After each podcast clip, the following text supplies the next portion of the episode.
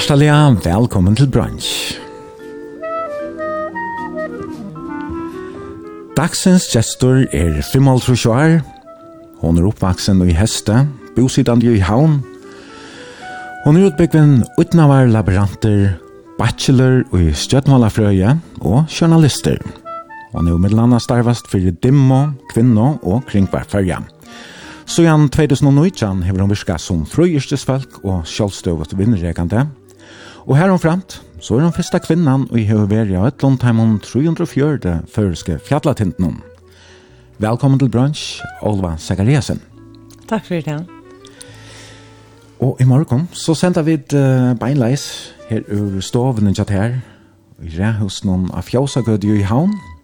Ja, det gjør vi, ja. Ja, hun har lyst stovene til å dekke superlekkert opp i morgen. Ja. Vi ja. bollen og breie fra breivisjonen. Ja, ja. Jeg er ikke en øren til å bæke, men, uh, og slettes ikke det, så tull jo morgenen ta. Jeg får ikke opp å bæke, tull jo morgenen. Ja, breivisjonen gjør øyelig gåan med at hadde jeg, så at jeg leip om han av syklene og kjøpte jeg sin drinn. Ja, det er jo nesten her i Grannalandene, altså. Det er bare vi, ja, ja. Det er hvert 500 meter lokskjort. Det er, ja, ja. Det er henne glad. Så jeg er øyelig happen i location her. Ja, ja. Og du bor midt i byen, i Fjøsakøte. Ja, midt i byen. Så du syklar, du har kanskje ikke bil eller? Jo, jo, jo. Det har du eisen? Ja, ja, så frelst er jeg slett ikke. Ja, ja, jeg har bil. Jeg kan ikke unnvære bil. Jeg helt at jeg kan skal være en av dem som kunne unnvære bil, og sånn skulle jeg genka og sykla og alt mulig. Nei, jeg kan ikke unnvære bilen. Nei. Vid, nei, nei, jeg bruker ikke nekv bil. Ja. Men uh, det gode er at det er, um, man kan genka till alle stedene, Om man bor i en och så till kött alle stedene, ställen. er øyelig praktiskt. Nemlig, Ja.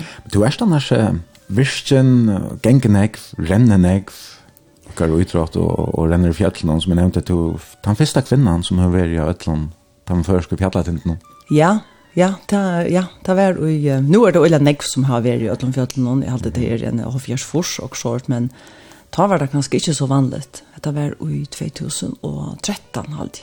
Ja. Ja, jag jag jeg har vel alltid inte nok snakk för här og, og i fjøtlen og och Lukka fra at du var småjenta ut i heste? Ja, alt og ikke. Vi bøtten får i alltid og nednøytene og kjenker rundt alle stedene. Og, ja, så jeg vil alltid være der når jeg er ute. Det har vi vært Når kjøpte du uh, husen her? För jag sa att det hade ju det hus som bygd byggt for Trusjonon. Ja, första Trusjonon, uh, minns ikke jag årstallet, men första Trusjonon. og jeg kjøpte det i halde desember, desember i 13. og ja, flottet så inn 1. mars i 2014. og trivist øyelig vel. Jeg heier en av høy åren, gikk jo hukt etter husen her alene, og minst jeg sier vi omkring, jeg kunne så vel hoksa meg at det var sånn grønn i husen og her fjøsøkøte, til jeg helt det var så fitt. Mm. Og det jeg snakket om, og jeg vet ikke, et år, år eller tvei. Og så knapp jeg, så stod jeg inn til søle. Og da jeg kom inn i gansjene, og sa trappen der oppe av loft, og trappen der luktes akkurat trappen om, ute i hesten, som mamma ut hjemme. Og ta minst, ta seg i siste mine, her vil jeg slippe bygge. så kom jeg inn i køkken, og her var en håndalig banker, og Så också nej. Det här det är det jag mer. Jag ska bygga. Mhm. Vi är öliga glada för bygga.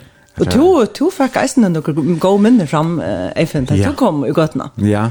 Här nummer 2 hus vi så inne här var ju öliga näck som baten Om man och appen och åt det här husen och bo här så är nästan uppvuxen i sina grannländer. Så men har vi inte varit här i näck var. Hur ser det ut nu i mån till att du uh, baden? det er ikke den store måneden, og jeg ble nesten rørt da jeg kom inn her i Jar til innrettingen er øyelig loik, kømerne på loften og trappan som du nevner, og eisene trappan i kjattleren og skapet her og alt, altså, det fikk alle minnene fram. Ja, man får innjøkne skap når man skal kjattler. ja, men, ja. Men... Um, Jo, hetta var ett ett deiligt uh, grannalä. Det var Ulla nek Button ta men ta var mera böver hin med vägen hin med gripsvägen. Ja. vi kallar det för bøveren til alla. Här plattar ut att spela fotboll och så konka men bara till så innan var snä. Her var ju gas. Det var minst det som patten. Alltså det är det där man skulle ju konka men om om man nu klarar jag kommer över och en gasna kommer efter en. Mm. Men uh, men her her er nämligen nok när Jeg lägger mest til att jag flotte om man her här jag ju bor på Gråtosväje og så vi bo på Bergabräcka äsna. Og jeg var nästan jag flotte om man her så hørte jeg øyla nekv meira jorral jo.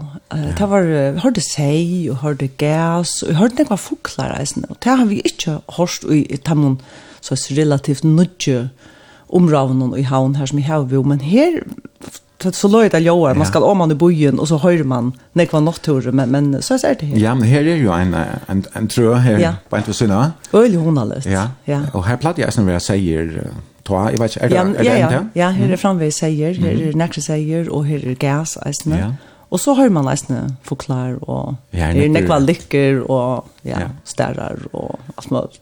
Og vi gærer här fast kan var trö och romnar och kvarta så någon så små fåglar där där Vi har henne som har forklaret eisene under de eisene, så det er, det er nok så hunaldet. Og det er eisene hunaldet for Ivra Konga, men det er veldig godt utsøyne. Ja. Her, um, og nå kjører noen til dømes for av Ivra, og man ser om Atlan bojen, og det er sånn til løy hoksa, så man, man er jo midt i bojen, og man skulle tro at man ikke så han ikke særlig, men ja. det er veldig godt utsøyne. Mm -hmm.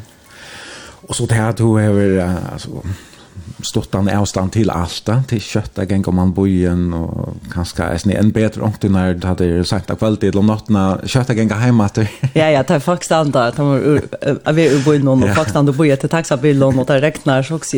Åh, det är det att stå där vi hem. Ja. Ja, det skiljer väl. Det är äckligt honalet, men, men här är det så bra att inte modernisera kan man säga. Kötsnån och og i stoven her som vi sitter. Ja, og her er nok så gammalt att lucka väl. Det er ikke en som kan skifte skifta ut i Hallon og du vet, färg komma for tog ju en er eldre enn än tog jag alltså. Ja. Jag har alltid kökren som er her, han har steg ju omkring ära stan, omkring ont av eier någon höver. Det er omkring brukte köker som vi kom omkring ära stan ifrån.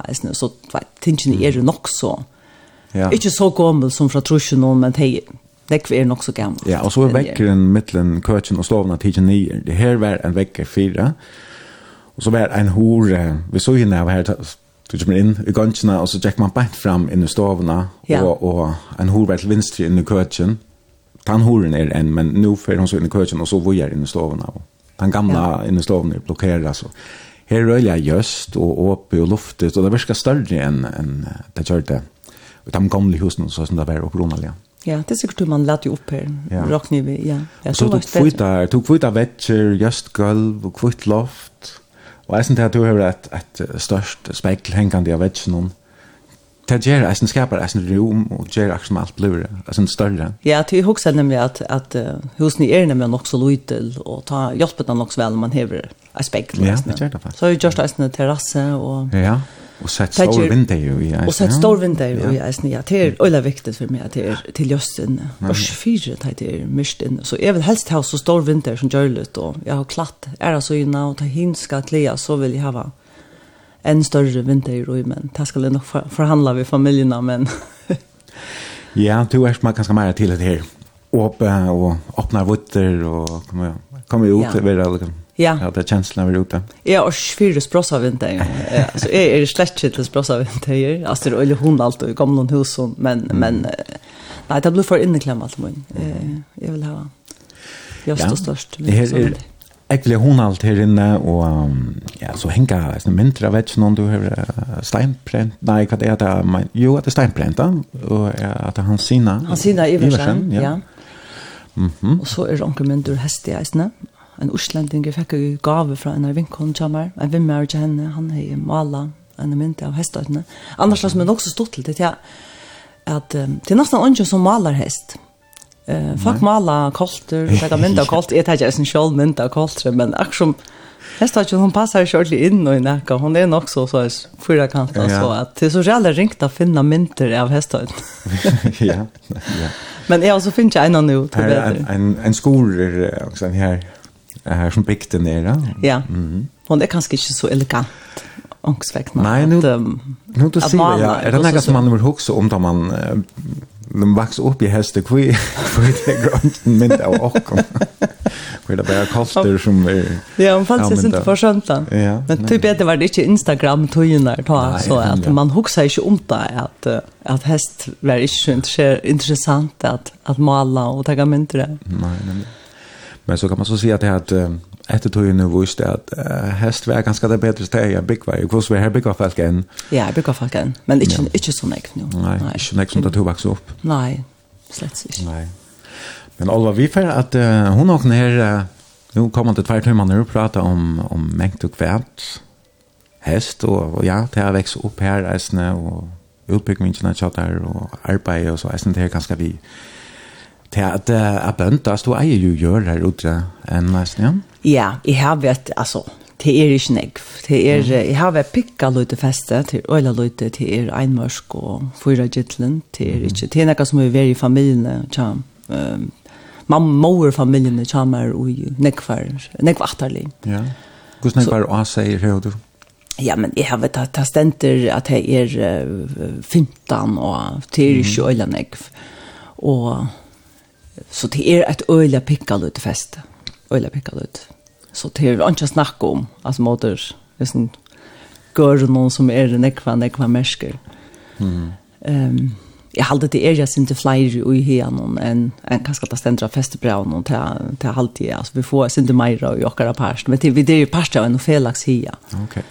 Og, så vi skulle faktisk ha fjall. Yeah. Jo, uh, manadagen, jeg sier nemlig at jeg skulle om jag blev spurt om skulle vara i bransch så säger jag vi ska lära lejer den till vara kikkost hvis vi skulle ha fjäll så, så bär till vi färre ofta fjäll om virkeskiftene men nu är så hästfärja så vi färre nog månader men jag vet inte nu är nu är det Okej. Okay, ja. Så jag vet inte om det var mannen eller att det var resten. Så Beckers är han gott ut nu men jag har alltid helt inte test för att hålla sig där inne i jöknen allt det därför jag blev sån mer ruskot regn och vinter. Hade det ska komma regn att nåt dövra. Och det är alltså inte att det är de häste så det är alltså inte mer avbjörande att tog att man ska ju cykla ut och bara cykla inte särskilt ofta Så det är alltså inte mer koordination att det ska vara ute och det är sen länge vi vi för två gånger så det det fer det er en øyla lenke det av tjokken, så det är ikke så att man kan bestämma sig till og nu är vekker gott nu löper vi det där ta ta bare till til til nej plejer Pleier det kommer nek flask ut av etna ta i hestferie, altså folk som blir kvære stedene? Ja, det er nek folk uh, om heste, til slakte, til ordentlig hundar, til ordentlig gå og hona litt ut til Bayer hen hin heien åttar heie han var av fjallet i jar. Så her er sikkert nek folk her ute nå. Mhm. Og så til øyla nekv, nekk folk ut i heste om hestene, ja. Og eisen ut utlømmes av påskån og varene er i eisen nekv folk. Ja.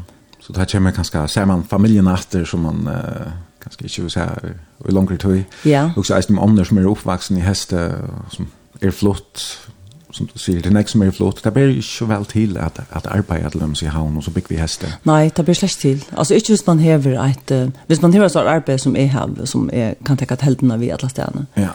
så kan man godt, men hvis man hever et arbeid her som man møter klokken 8 eller klokken 9 om morgenen, så kan man ikke. Man kom det til til 2016, men så tok uh, strandfersland her farsen borster, Og så minkar jeg muligheten for at bygva i heste ja. og gengur skola og i havn. Mm. Er det avvarskan av falkatallet, jeg det vet jeg ikke ordentlig, men jo, det heter på tannmaten, til det var noen ungfolk som gjerne ville bygge hver ute. Ja. Det var seks ungfolk som flott ut i hest ta, og, ta i 2016. Mm -hmm. Så de ville gjerne bygge hver ute, og prøve å bygge hver ute, men ja. uh, det bare seg til. De slå på ikke skola, og de slå på ikke arbeid, så de måtte flytte av og uten i. Mm. Så at, uh, ja, det hever avskan av folk til alle, ja. at du, hvis du dreper møleggene for at uh, bygge hver, uh, ett sted och arbeta när det stannar eller en skola. Ja, men så tar du framtiden från utne. Så man det gör man det. Ja. ja. Det är spel. Så det där så ung folk som alla säger att det är ut här. Ja, helt säkert. Så ofta det kommer fyra. Ja. Men uh, Erik var så glad för att du kört upp här när fjällen morgon. så vi kommer sitta här och och prata. Och uh, tonlager är ju en stor part av sändningarna. Du valde några sanger? Ja, valde några sanger, ja. Mm -hmm. ja. Hvordan har du da vi tonelage? Er du spelt du noe? Synger du? Slett ikke. Nei, nei, nei. Jeg først ikke synger jeg. Du ikke spela noe som helst. Jeg har alltid spelt orkel langt før vi tatt i orkel i stovene. Pappa, oh, ja. pappa spelt, spelt orkel. Mm -hmm. Og så tar jeg oppvaksen vi, men jeg har ikke interessert meg nok fire tog. Men mer damer vil jeg vel ha lyst etter tonelage. Og, og jeg, jeg har ikke noe bestemt noen tonelage. Jeg har alltid interessert meg for øtlån tonelage. Men jeg vet omkant hvor det er som spiller. One Leidstein, han pleier å arka meg omgang til å prøve meg av ofte at jeg arbeider kring kvarsen og sier hver det som spiller hentet han og er sjoltan jeg vet hvor spiller tonelagen, men mer damer eller vel tonelag, mer damer vel um, rock og mer damer vel jazz og pop og alt. Ja, ja. er en god blanding. Her er alt lukka fra hørun, tuskon heavy metal, rock till uh, förska solmar vi uh, tar sånne mannskåre. Um, tar man fyrir fjall, så blir man ju sin jankra solmar man fyrir Ja, ja det gör vidt ikke. Eh vi jag vet ju man hävdar traditioner omkring så men vi vet inte hur vi säger hur så där för att statchen så så syns det alltid. Ja, det gör det och vi har inte haft här traditionerna men är det att det flesta som färra fjäll det är nog inbyggt utan de flesta att det lucka sända en bön upp efter. Ja. Tog jag att traditioner har ju varit här att det är inte vant att läsa färra av fjäll. Nej. Så det har alltid att öll. Mm -hmm. Det är alla flesta gör. Det här får jag veta vänta åter till sajterna. Jag hade vi skulle börja spela det första läget som du valt. Och um, det är vi en årskombaltja. Ja. Som du var til konsert, ja? Jag var till konsert, ja, ja, ja, YouTube. Och det er ikke så at det var jeg som fann på det, men vi var noen vinnfolk som forrige sted. Og det var i Paris, av Stade de France. Mm -hmm. Og jeg vet ikke hvordan jeg var der, det måtte være ut mot 100.000 folk, kalte jeg. Øyla god konsert, her er øyla gode performere, og øyla gode... Øyla god konsert, ja. fantastisk konsert. Og så det var en konsert for de forrige bara till hese här konserten eller det var hövsändamal ja det var ja det var hövsändamal jag hade det ju varit ut 2012 hade jag. Okej. Ja här alla jag. Hade och det var en fantastisk konsert. Jättestörst ja det är en fantastisk bulker om man säger och där spelar nog en nice namn. Ja. Man finns där sommarfestivalen till också vart. Men det är röjna. Ja, eller G. Ja, det är fantastiskt, ha? helt sikkert. Ja, godt det sant det. Det er vel godt at hørst. Og det er altså Olva Sagariasen som er gestor i brunch. Du kan sende henne en spurning, en vimerking eller en helsan av 32400 eller Facebook-søgne til brunch. Her er YouTube.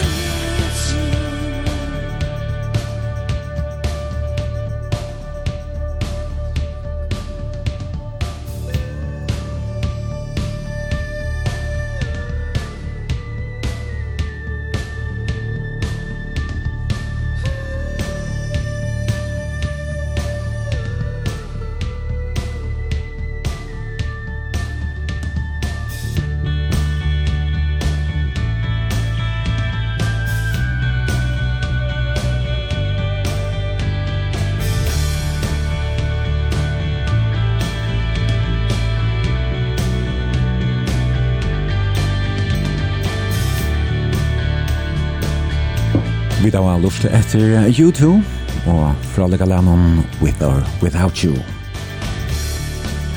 Og det er Ola Sagariasen som er gestor bransje morgon og vil ut håndleggen.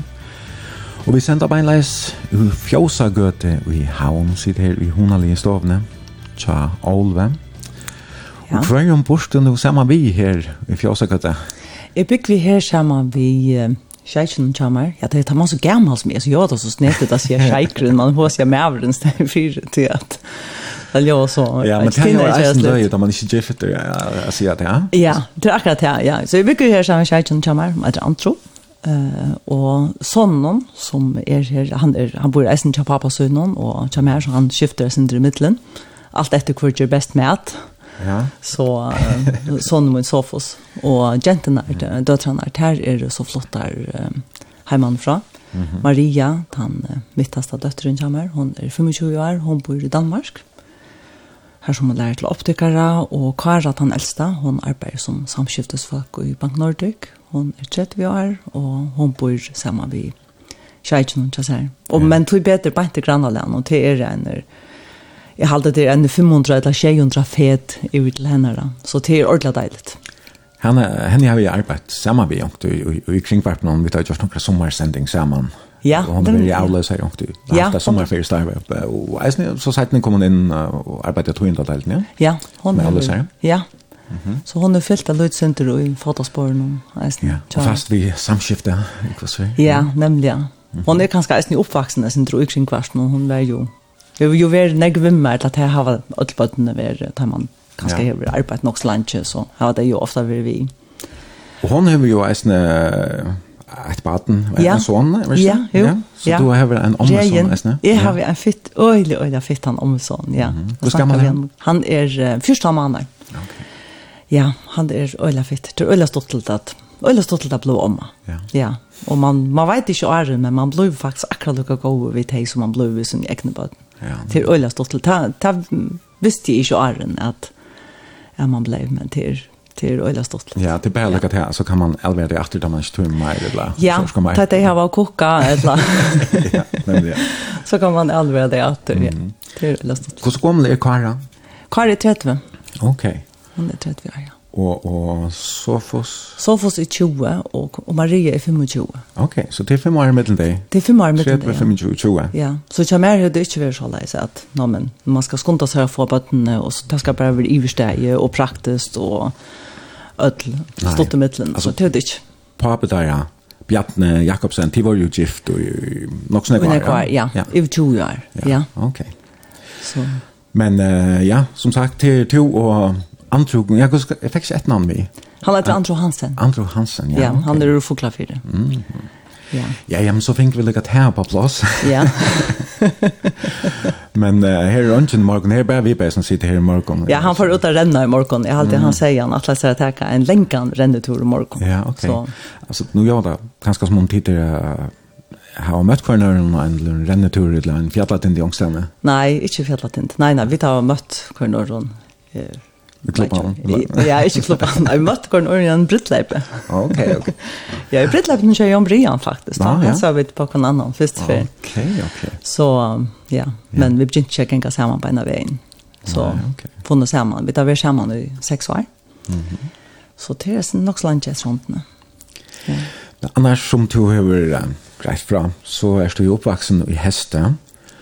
Um, foreldrene sa der, Tei er jo alluvi enn, skilja lennom. Ja, tei er alluvi enn. Hava det godt. Tei hava det godt, ja. Mamma, hon er einofors, mm -hmm. og hon heter Frubjørg, og hon er født nypå, og, og pappa, han er seksofors, han heter Magnus, og tei er begge faktisk rettelig velfyr.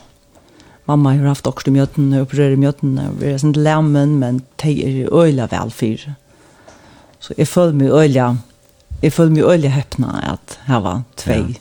Uh, mm. Tvei foreldre som er av løyve, og som er så røsk og velfyre som mm. det er. Og lotakka til jeg æsne nå her, de slakt og alt det her forskjellige? Ja, ja, til lotakka negv. Mamma, hun gjør blåpelse, og hun frister alt det som skal fristas, nøyrer og alt det. Det er jo det største arbeid, og vaska gammerer, og, og hun er så øyelig ordentlig.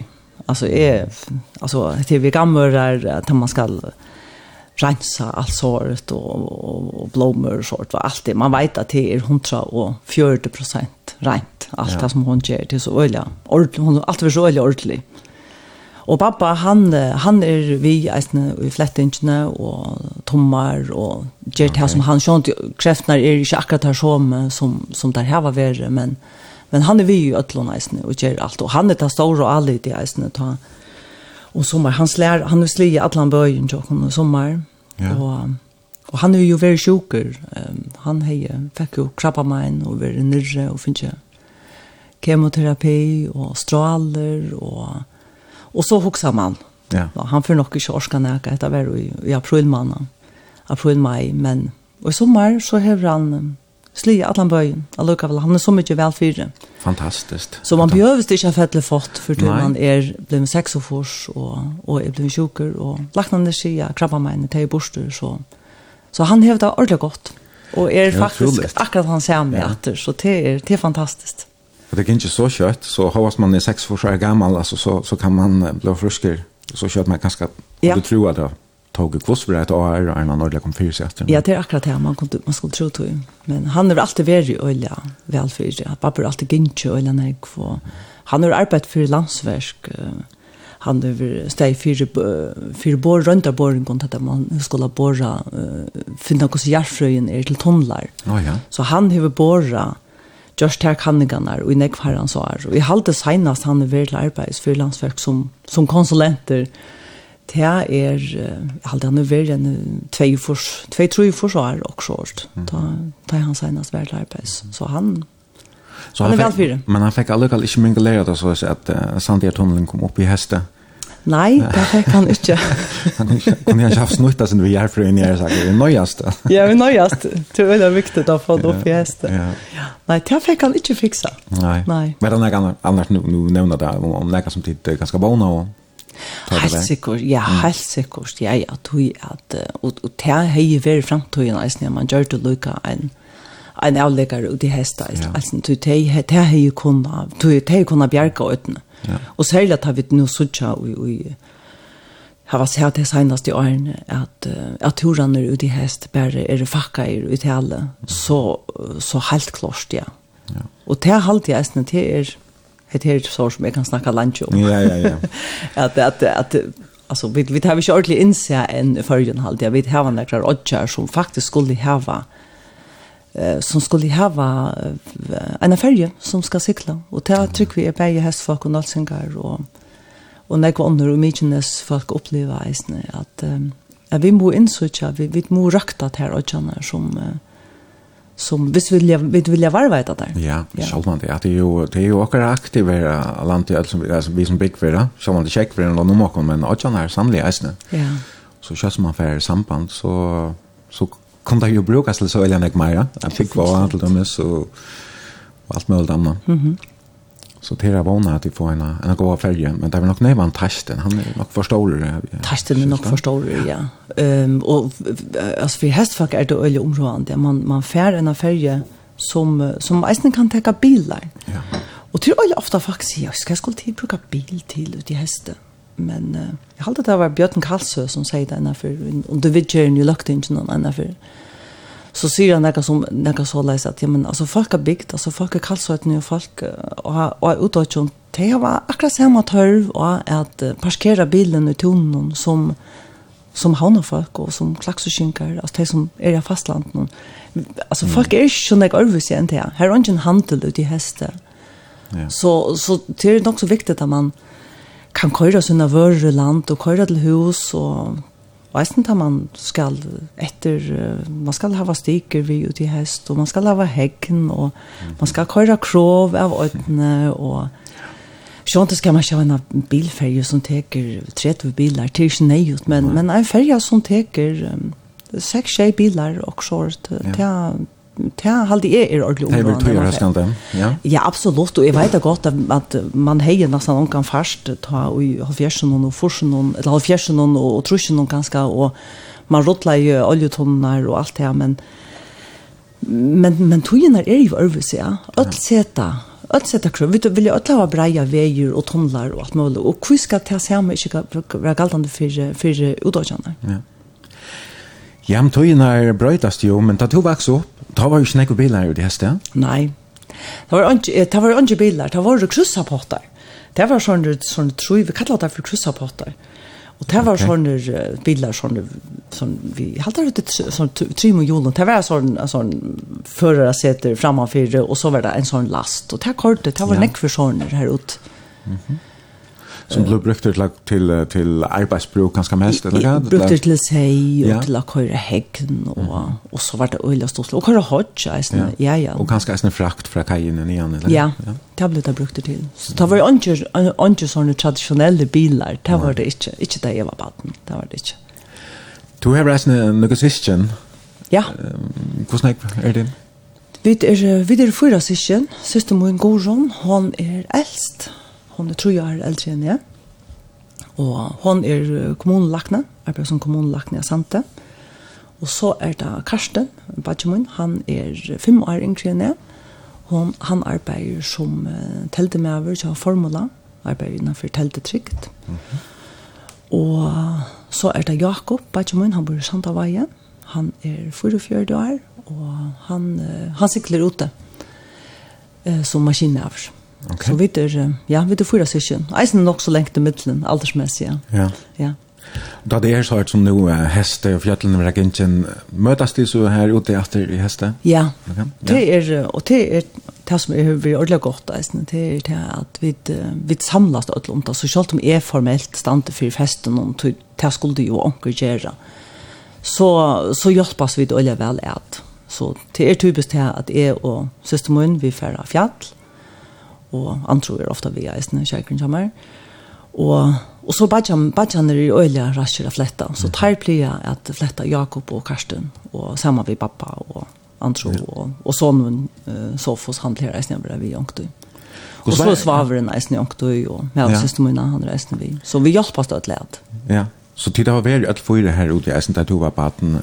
Hvordan var det? Var det ikke bøten i hestet? Ja da? Ja, det var nok sånn. Jeg minnes til en periode nå i skolen om halvtid. Jeg har ikke i første flotje. Ta halvtid vi måtte være en 13-14 bøten.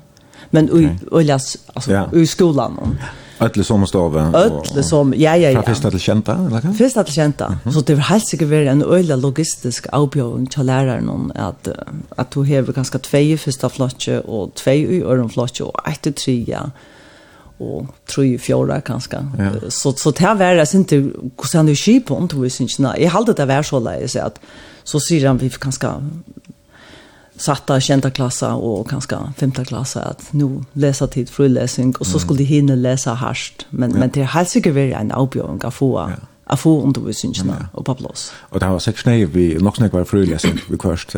Ja, ja. Så han kunne, jeg kan si, jeg var jo nærmere. Så vi finner gosser så lyser nok snakket, ja. det er alltid at vi... Det gjør det vi til gosser. Hva gjør det annars som, som bøtene, dit kom de nok, ikke gjenga til idrott og, og anna som, som bøtten i havn gjør Nei, det kunne vi nemlig ikke, og det har vi jo ikke helt det vi er sånn kjeilet, ta i så for til havnarging skola, at vi gikk jo ikke til håndbolt, og ikke til fotbolt, og ikke til filmleik, og heller ikke til skåta. Vi kunne ikke genga til nærka, tog at, ja, men det gjør man ikke til vatren, han, vi hadde ikke til nøyva færa sambandet ta, og det hokser man ikke om heller. Så vi, vi spalte bare. Vi spalte øylanek i, i tunnen og kvaldanar, og hoppa og lastik, og krekk og blunta, og vi spalte øylanek ute. Ja. Yeah. Og nere i fjørene kan jeg atle eisene, at det var sikkert eisene. Øyla øyene, ja, ja. Vi spalte, halde vi boen nere i fjørene. Vi Spalte øyla øyene nere i fjørene, og jeg vet ikke, vet ikke hvordan jeg har flækar. Jeg bygde jo den tøyene til, til øyene nere i flækar, og Men det jeg halte det var, og ikke tog jeg svimja. Jeg halte omkring dronjen hun tog jeg svimja, men jeg tog ikke svimja før jeg får til havnere gikk i skolen. Mm -hmm. Så at okay. sjån til det var en øylig rampe av at vi gikk ikke og runde ned i fjørene, at det tog Men... Um, Og at det er ikke bjergjenga vester eller noe sånt helter? Nei, slett ikke helter. Det brukte man overhøver ikke.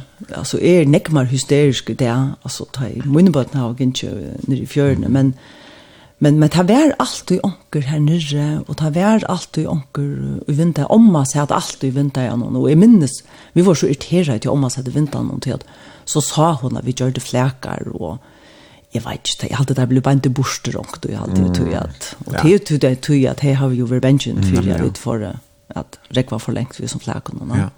men annars hadde jeg at hest bygd var ein ein ein, ein, ein, bygden eller en den første innan då svimjehillren i Färjön han han var byggd här. Han var byggd till hästen. Ja. ja. Han var byggd till ja. Ehm um, jag hade han kom i minnes inte ordentligt men han kom allra först i forsen. Jag var fär, jag hade jag var flott ur hästen ta ta han kom. Ja. Och han blev Kommer så Iron han i havn eller vad ska Det vet ikke. Nei, ta, uh, om samme, nei, han kom, han, han kom natten og halvtid, okay. han i havn halvtid alltså han han nudge han nu kunde hinga hinga hinga kunde det aldrig vet jag han kommer men Nej jag minns du faktiskt vi jinken i han ni han till det gamla swimmhillen och vi hade åttandör eller vi var svom i där åttandör hillen men det minns jag kvar var när. Nej han kommer aldrig längt då är han han hillen Men vi fick han och han blev byggt på att att här här kom vi arbetsli från Halde mellom folkene samvirke, kom ut og bygde. Det var flere år av det at det kom ungfolk ur uh, ødelen Europa, ur Danmark og Belgia og Holland. Og det bygde så, jeg halte, vet ikke om det har finnet et øyre at fire, men det var mest kost og losi, og så hjalp det til at bygge. Og det var uh, borgerstjåren i heste Johan Vank Niklasen, som han, han var øyelig framskikter. Og han sier sett seg for vi skulle til hava en symjehild, tog at Tog jeg bygden hever jo um, her gikk jo um, uh, her, her gink jo 11 mans bort i 1919 uh, og, og, og folk er jo drukna i ehm så jag tar isen ja. Och och och är minst det var bara att ta koppa i en båtrar ut i isen och det var två man som bor och tar du det så svim jag helt det var också dramatiskt isen vi hade att han åt här så bestemmer jeg han seg till att detta skulle inte være botten i hästet det skulle lära svimja tror jeg att at man bor og en av åtts, og til pura lokus deisene. Mm. Så han setter seg fire at det skulle være en svimmihild ja. ut i hest. Ja, en, en deilig svimmihild som er minnes mennesland, hvordan var Da jeg var unger og bare til nekvar sen, men jeg har prøvd å spå meg nok til å ville være færrest, og, og så kunne man leie seg, leie svømmehilden i en tøyme, eller hva det var, og Ja, ja, jeg halte ja. han er øyla populær, halte jeg. Jeg minnes eisen, altså, men også stort til eisen til at knappt jeg så vi gjør det klart til at det skulle komme noen flere folk, noen arbeidsplass i det heste. Så knappt til en 2-3 år siden, så knappt jeg så kommer jeg med over en jøkken hårene og setter seg en stål inne i bygdastålen. Så sier han, jeg har alltid drømt om å komme atter hertil. Så sier, hver, hver er du? Så sier han, navnet som er er av en av sånne plakaten som henger her. Jeg var vidla bitja svimgjil, okay. sier han. Ja. Og til seg, han er være blæ unger, kanskje tannåringer ta, og han har alltid drømt om å komme atter ut i hest. Så til seg, han er kommet til førjer og leida seg ut i hest, at hitja. Så ja. han var så øyla glad så vi bjør av en kaffebån och han var øyla glad för det. Slapp han uh, røyna hilen? hillen? Jeg halte ikke at han... Men det var nok så stort at han, ja. han leitade i atter. Da, Olva, du har valgt en sang som um, kanskje minner deg av akkurat fra Badnaren, at frappene til Leno. Ja, jeg halte jeg til en ordentlig god sangreisen, til han ganske beskriver en av tog som alt det, alt det bygdes lia og svegna. Og, og så er det Samal som synker han, eisen, mm -hmm. og Samal er en av åkere vindfolkene, han uh, ganger sammen med en av mine beste vinkonen, Katrin. Mm -hmm og Samuel har vært nekvitt i hest i eisen, og til dømme spalte han handa sannsyn av føringardan, det er fyllt til halvtrusjå ta spalte han handa sannsyn, uh, og i hodgjøsnen, uh, tjokken, ja. teiergære. Helt du varslig i Høtjøsno? Jeg helt faktisk varslig i Høtjøsno, ja. Mamma helt at jeg var smått for å rotta her ute, for og helt varslig i Høtjøsno. Jeg helt ble bygd av sånne, men så var tonleiker og kaffe. Ja, men det var jo folk som kom i æresten fra Havnafolk og annet. De ville jo sånn at det autentiske Høtjøs, ja, det, ikke, det skulle ikke være rotta. Nei, det skulle ikke være så frisere Høtjøs. Her så det folk oppe i, i, i oppe i høynon og med en samal sang, og det var en, og vekse var jo av til aller, aller, aller beste. Mm -hmm. Og det var en øyla god dag, det var gosser øyla glad for han dagen, det var øyla honalet, og, og pappa elskar han da han nesten, ja. han trappen ikke alene, og så jeg har alltid for spela han, for Ja, vi skal høre han her. Og det er altså Belgren Våversk som framfører. Ta papperen Liverpool Tog landa fyrsta sinn. Sautu vita trappinni Tja lenu mæru minni. Og i middlen belju hundagodj Vid hardu nudja ljau Som herra trætt ver alla sundur Av transistor skrói. I minnes gamla Ferdinand Så kvicklig jag servente Och säger helt alvorliga at nu ble versens ente Kvart så vi tackar chansen Emigrera tu till Pluto. Vid hattu ju bära dandi Det vi krocket blå och luto Så uppa barrikaderna Nu skulle slægir standa Vi hetjen og i baksynu Vi tordu adla vanta Og fyrtjundin var einu kvör Av borgar og statte Og adler tær i gummiskjón Og adler tær i hatte Tan svare alla kloninger Og i hesen nødje trunne Og i middelen Pepper Og så tær at djeva kunne Og kan vel koncentrera seg Om berget er skapa Og Ola hans vi trillebur Og fotlar i av skrapa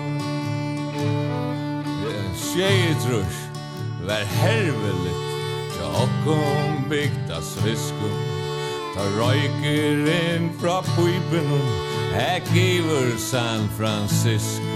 Det kjendes nok så undarligt Det må vi vel sia A vera til ein happening Og i nesten um dia Vi drøtt om engar feita Under trappene tja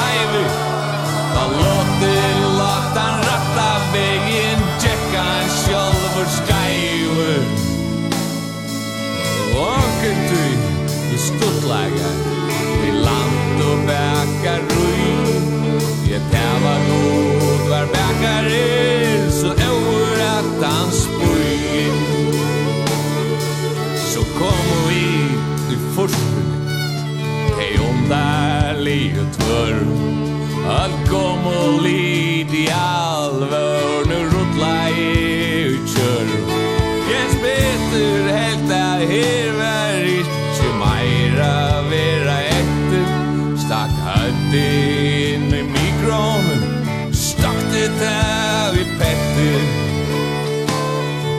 jeg sitte her i køttene Og her vi hoa skrutter Vi omverer i granna land Og spiller hetta nøyja Jeg stærre djøgn og vindeja Vi maktas leisen sinn Jeg sita jo enn av trappene Jalin, meir og minnen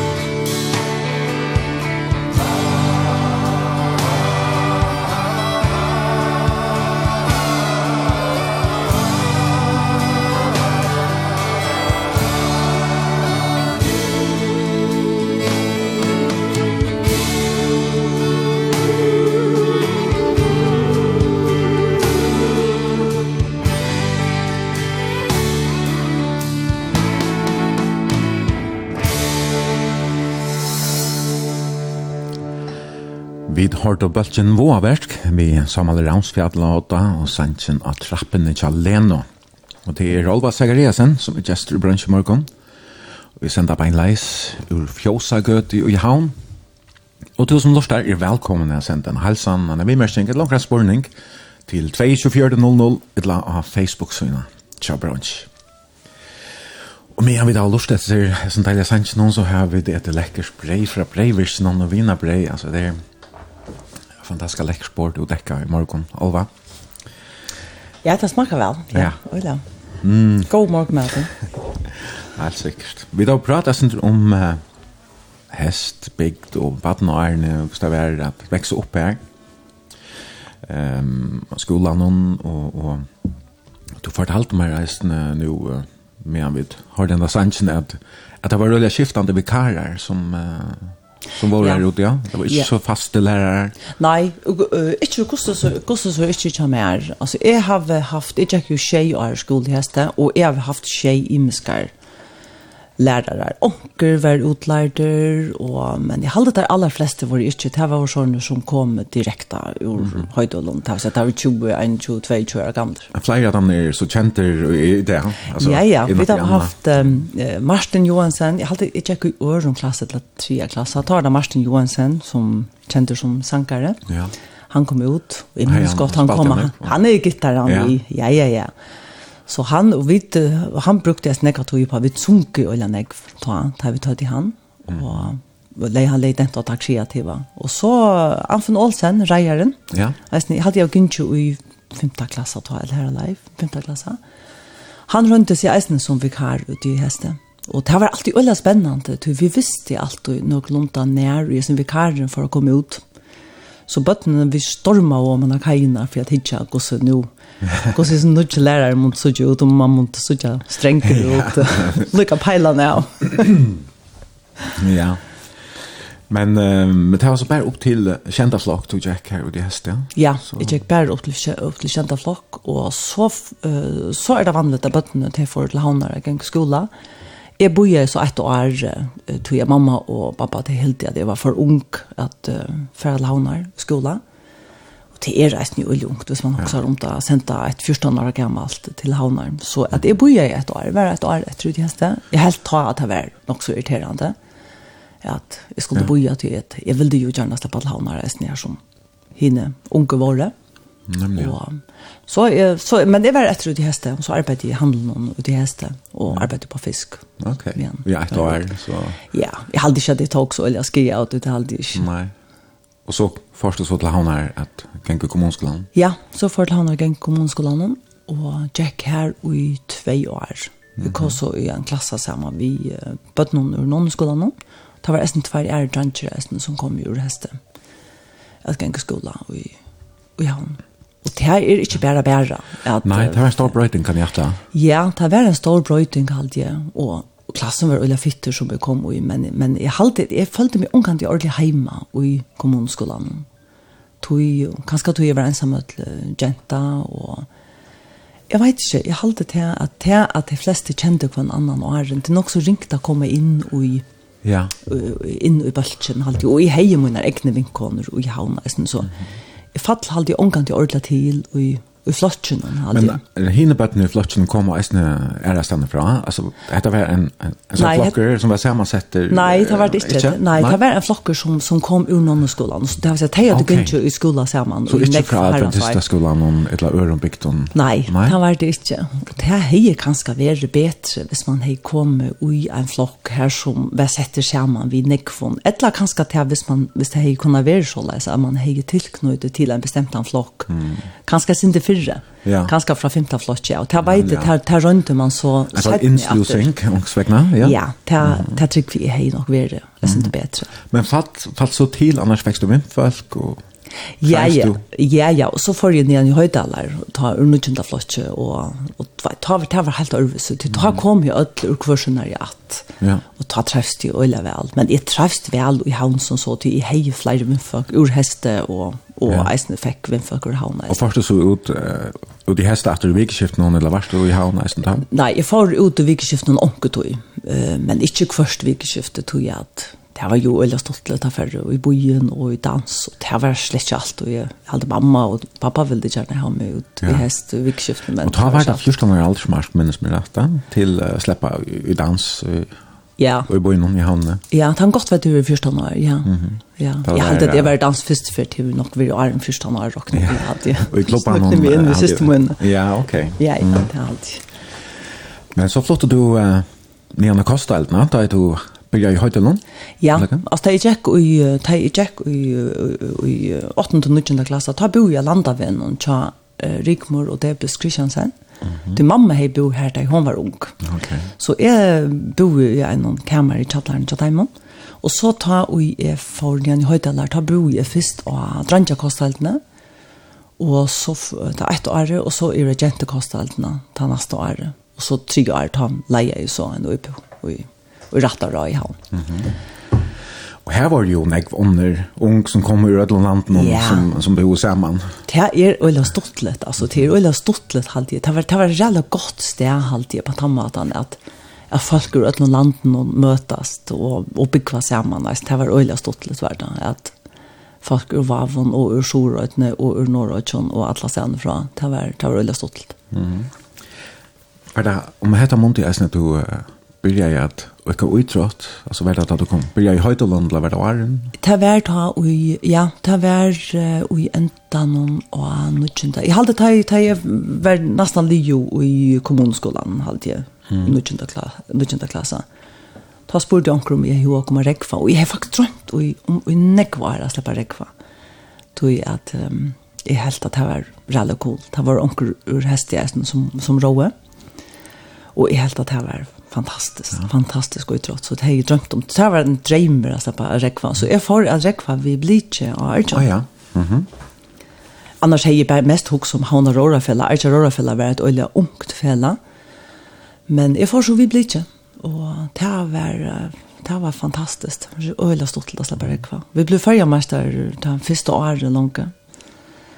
Så det var det var stort litt. Ok. Okay. Ja du renner jo nek vid det her rundt maraton så er det vet jeg eisen nekka som du blir på å ta jeg vet om man da man rør så, så vet man eisen nekka renning hos vi Ja, ja, og det var det det her som de fleste de fleste rekvarne tar het av og det var skola så renneturene reisende men det var akkurat som at det måtte man vi, vi hadde jeg lukket alt det prinsippet at vi ville trene mest mulig og i baten altså vi skulle rekva måle gjerne tverfrener og og leggja mest av treningen i arbeid, men, men vi rom det eisene, men jeg halde jeg var en av timene som domte rymle vel at, at renna, men ta var det ikke så lengt, vi romde fyra kilometer, og så hilde vi det til å være, ja. til å være øyla lengt, hilde vi ut. Rås du i Nekvar?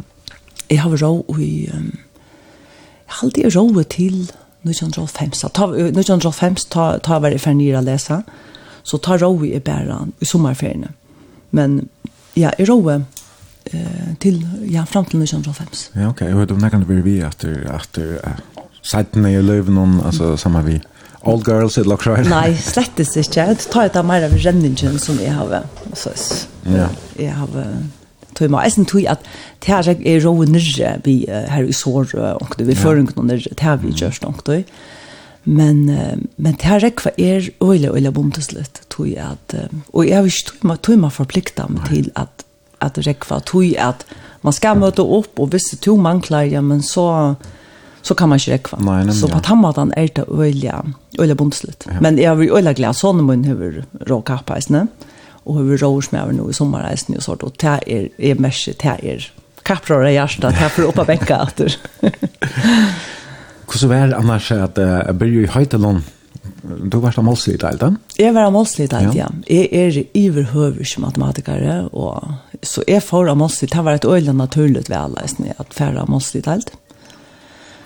Og det var, det var en ordentlig god tog, hadde jeg, at uh, Gengu Høydolund. Det var en god flokker som uh, ja, kom inn i? Ja, en ordentlig god flokker. Vi, var, vi ble jo eller få til endans. Uh, vi uh, var, jeg hadde begynt av å lengt i 20 hadde jeg, som, uh, som jeg gikk sammen vi. Og jeg hadde vidt enda, og da vi finner hikken og høttet, da var vi bare nødt til at onkel for ur, onkel flyttet til Danmark, onkel ble på veien, og så ja. Arman visste jeg, og så, så var vi øyla fra, fra folk etter. Mm. Ja. Kjente du flere av de flaksfellene fra Manontan, fra kommunskolen? Nei, det gjør jeg faktisk ikke. Jeg halte ikke, ikke. jeg kjente onkran, visste hvor onker var, men jeg, nei, og jeg halte faktisk at jeg har vært av gåa, eisen, at at det var ikke alt som kjente hver annan helter, at vi akkurat som bryr fra scratch av. Altså, mm. havnabøttene, jeg har nok vidt av noen takk for jeg för hinner ha vara men ja. det hade inte alls kunde klassa samman. Men här var ju onkel kända personer i flatsen hon. Ja, eh Jack i flatchen samman vi Sjurskål till dömes. Mm -hmm. Han uh, han uh, Jack om i flatchen nästan. Och Lever Thompson som ja. kring garden nästan var nästan. Mhm. Mm Jonas Gård. Alltså det var nästan som ja. det var eller fight ranch nämligen. Det var Batja Heina Gård, vet ni. Ja, ja, ja, ja.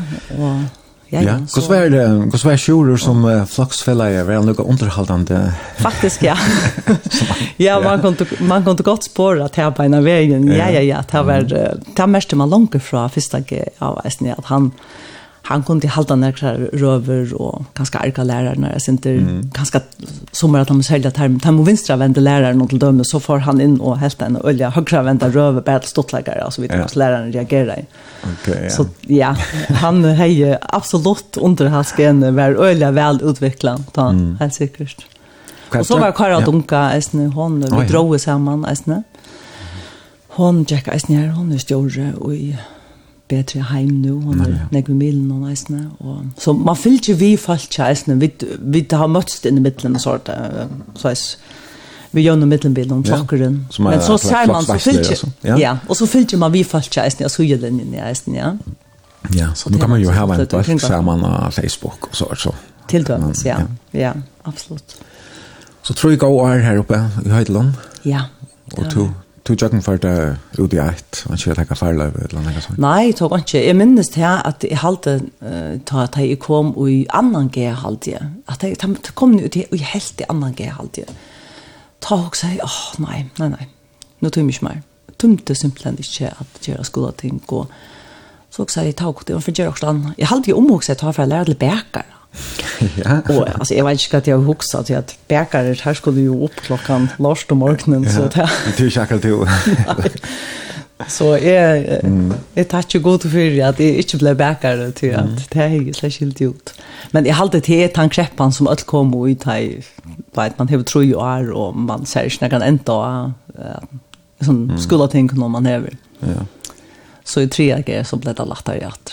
Så ja, så är jag jocken för det och det er godt. Og at han er student for det så nere lesa et lode arbeid her? At han var student fikk er mot dreima arbeid. Mm -hmm. Og det var um, at jeg slapp at arbeid som journalister av dimmerlatting. Og det var fantastisk. Altså jeg følte meg øyelig, øyelig, øyelig, helt igjen. At jeg slapp arbeid dimmerlatting. Paula Klette, som er mamma ikke min, han døg jo til verre i fjør. Og han, um, han arbeidde dimmerlatting. Mm Og han tog seg pent, og han visste til at mer domte øyla vel å skrive, og at jeg øyla gjerne ville slippe arbeid ved å skrive. Så han tog seg pent ved Benny Samuelsen, som var blastjøret han.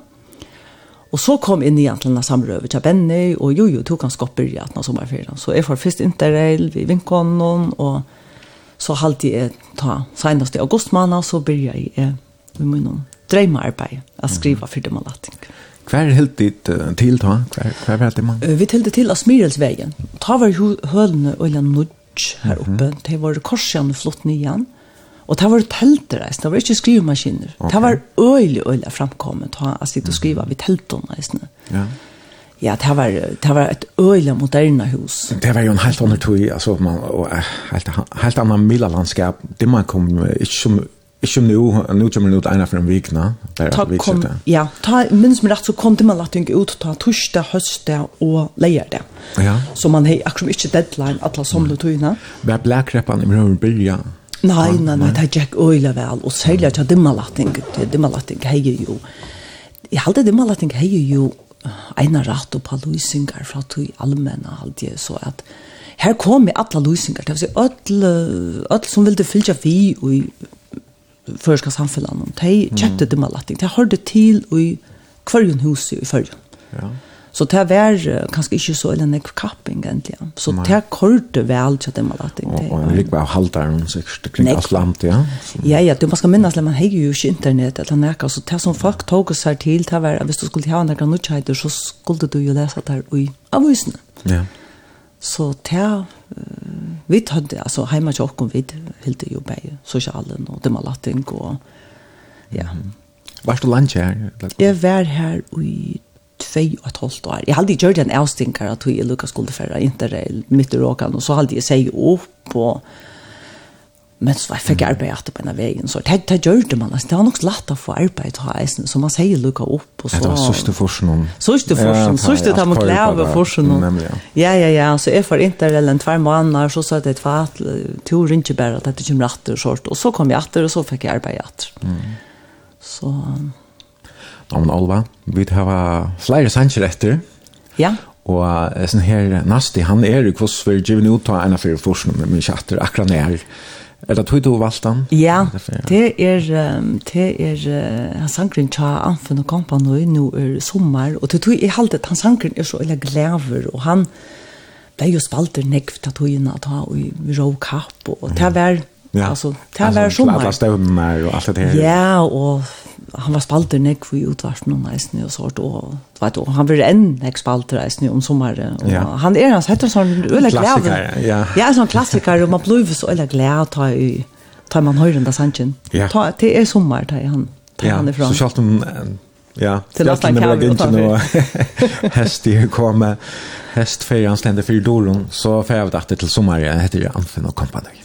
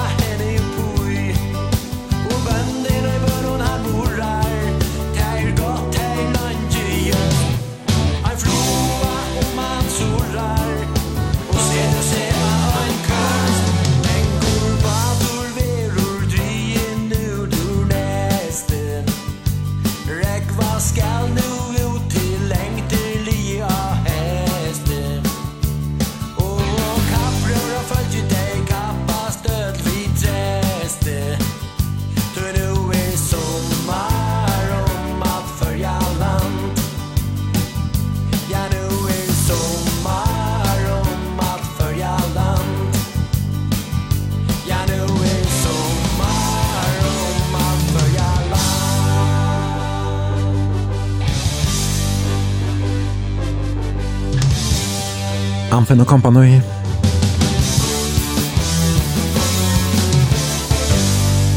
Og sangren Sommar. Og til Alba Zachariasen, som er en gestor bransje morgon og veldig tonelegen. Og vi sender beinleis ur Fjåsagød i Havn. Og det er til å sende en helsan en vimersting, et langt borning av 22400, eller Facebook-sønning til bransje, det var BRUNSJ. Ja, Ola, vi da, vi da prata lantje om uh, de første årene i løven og tjatt der, de første uh, 20 årene her alai, aldri, ja. Er du uh, så starveist tjatt dimmo, og, og kanskje her Orla fikk, uh, fikk smatcha for uh, arbeid som journalister. Ja. Så har dumt vel til arbeid. Ja, men tomt, jeg elsker det, ja. ja. Det var god folk, guys, nere oppe, ja. Ja. Starsfeller. Ja. Det var det som var her, det var Beata Samuelsen, hon var her, og så var Tore Mikkelsen, arbeidet ja. eisen her oppe, og um, Hilmar Jan Hansen. Ja. Vi var gode kollegaer eisen, og Georg Petersen, han kom så eisen i, i, i, i, i sommerferien og noe sånt. Ja. Og Jeg så var Benny eisne, og det som stod til Benny, Benny gikk øyelig høyt opp i etter her blastjorden, at uh, halde jeg lærte øyne nekva skriva til honom. Han tjekk øyne høgt opp i at han var rett stava. Ja.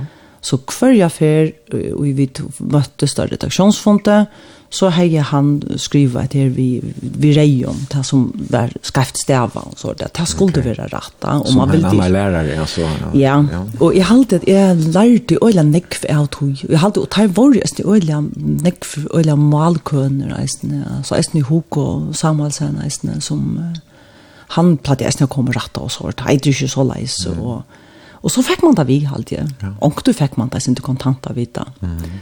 Um, og jeg det at det stender på skrift, det er akkurat vi at ha, det stender på skrift, så, så ser man det bedre. Ja. Og, og, og man vantar seg beina, beina, beina vegen om, om alle, det stender av en er forsøye, og det ständer rett av i region, så ja, anser man etter. Ja. Du sier du varst der om lei klei at holdt og her. Hvor, hvor gavst du? Tog at jeg ville gjerne fra nyr at lesa og Jeg søkte inn av journalistskolen ta til opptøkker rundt ta, men jeg slapp ikke inn ta, og så hukte jeg at jeg skulle bare for røyne atter omkta, men eh, Bjartne, som settene ble med om hun, han, han fikk, han får nyr å lese eh, til verkfrøying, og så avgjørte jeg at ja, ja, så får jeg bare vi eisene, så avgjørte vi det. Så, så søkte jeg inn av industrilaborant. Mm tog jag at jeg kjente en som var industrilaboranter, og jeg finner seg slik at jeg har en utbygging til å kjøtt, så at jeg søkte inn og, og slapp inn. Ja. Så jeg lærte til industrilaborant, og det var nekv kemi og fysikk og... Og, og først du nærkant ut av arbeidet som... Uh Nei, det får jeg ikke. Jeg var i praktikk. Det første det var et, et skoleår, og så får jeg praktikk et år. Jeg arbeidde jo en av granskingene i Lungby, innenfor plantegransking. Og, men så var jeg på veien, og jeg åtte, så da når jeg lærte hun var lio, så jeg åtte jeg kvar en måned at han var. Ok.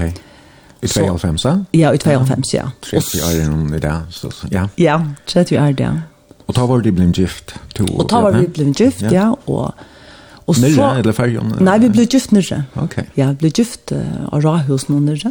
Ok. Og hadde så lite bröllop her. Og så hadde vi ett lite større her som jag och familie, så tar vi komme hjemme til til förra. Mm. og så tar jeg kvar av så et holdt år. Ta ta hei hoa at, at lese akkurat vad göra Og ta hei horst med det ta sig det med vi vi uh, Shura Skalle, han, uh, han läste Jötmalla frøye. og ta seg øyla nek om hvordan interessant dette var, og jeg er ikke hørst om stjøtmaler frøy og arren, altså det var ikke en utbygging til at man er gjerne til lømmes ikke for jøn, og, og, og var ikke så øyla utbreit å ta, og jeg helt at det var jo øyla spennende, så jeg søkte inn, og så blir jeg til kvar over et halvt år at, at lese stjøtmaler frøy. Og det er en uh, politikerutbygging, kan man säga.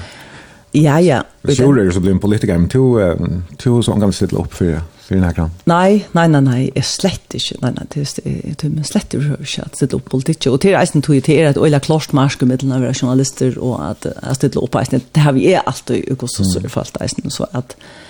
Så var det annars andre som du gikk flatch la skola så man vi som som du så sett ni hur mött etter som politiker. Ja, flere var det här är så så det inte som vart någon jeg hej väldigt lesebølge sammen vi han som er forskvinna i SF i dag, som heter Pia Olsen Dyr. Vi var jo lesebelt, vi var en fyra, Gjørde Skård, hun var i fyrjon, og så jeg, og, og hentan til Pia, og, og så en som heter Kardina.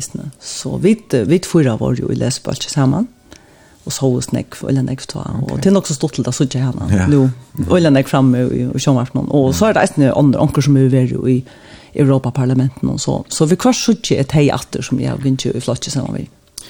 Og hva, um, hva gjør du så da du varst uh, liv i utbyggvinsla?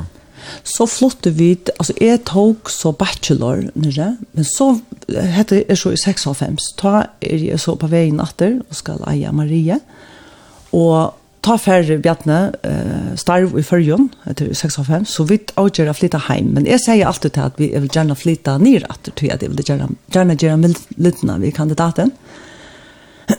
Men um, vi får omkatt ned etter. Nei. vi trives øyla vel i Førjon og ta mer jeg synes at når Maria var født et halvt år at han var, da fikk jeg bjøve starv i kringkvartnen eller i utvarpet følge ta ja. og jeg valgte så å takke av, og jeg husker, ok, jeg kan arbeide et år, så kan jeg ganske fra nye rette. Men jeg får unga nye rette til at det var som vi starvna, det var lating jeg elsker jeg, mm -hmm. mitt starv. Ja. Jeg helt at det var fantastisk, og tog at, ja. ja. Og så togene i fergen var jo, og jeg var analyere ta i alfemsen, nå er det jo akkurat skjedd vi er så igjen kreppene. Ja.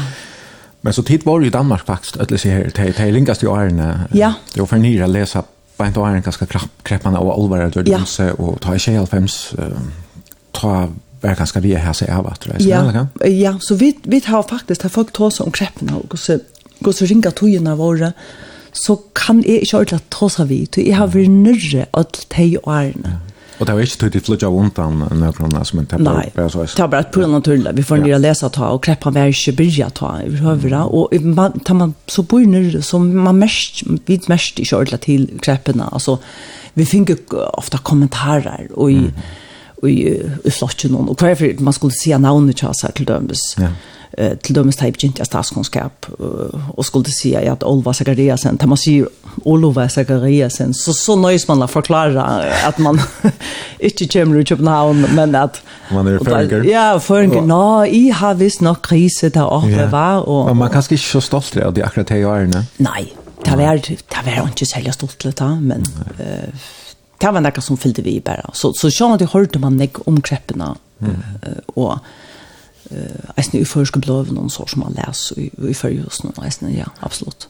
Då då så blir jag arbeta för utvärsbehöver att jag startade med alla eisne som man lägger fram i millen allt som hej vi kreppna gera Ja, ta var da för så men men jag vet inte om det fyllte så eller nej ju ta var da eisne det var nøkker at han evnen som vi, mm. vi gjør det, men man mest kreppene. Altså, det var veldig nek som satt det til ikke ordene for hjem til førgjør, til at jeg flytte hjem til førgjør, det var et nok så størst sti jeg skulle gjøre, til at man visste ikke ordentlig om, om vi får det ordentlig å komme på sjukreppene, det ikke. Nei, 25, um, det var akkurat hva jeg snur øyne, tøkne kom fram, færtelefoner, internet og annet som her Danmark kan skal være. Nek var fremme for det.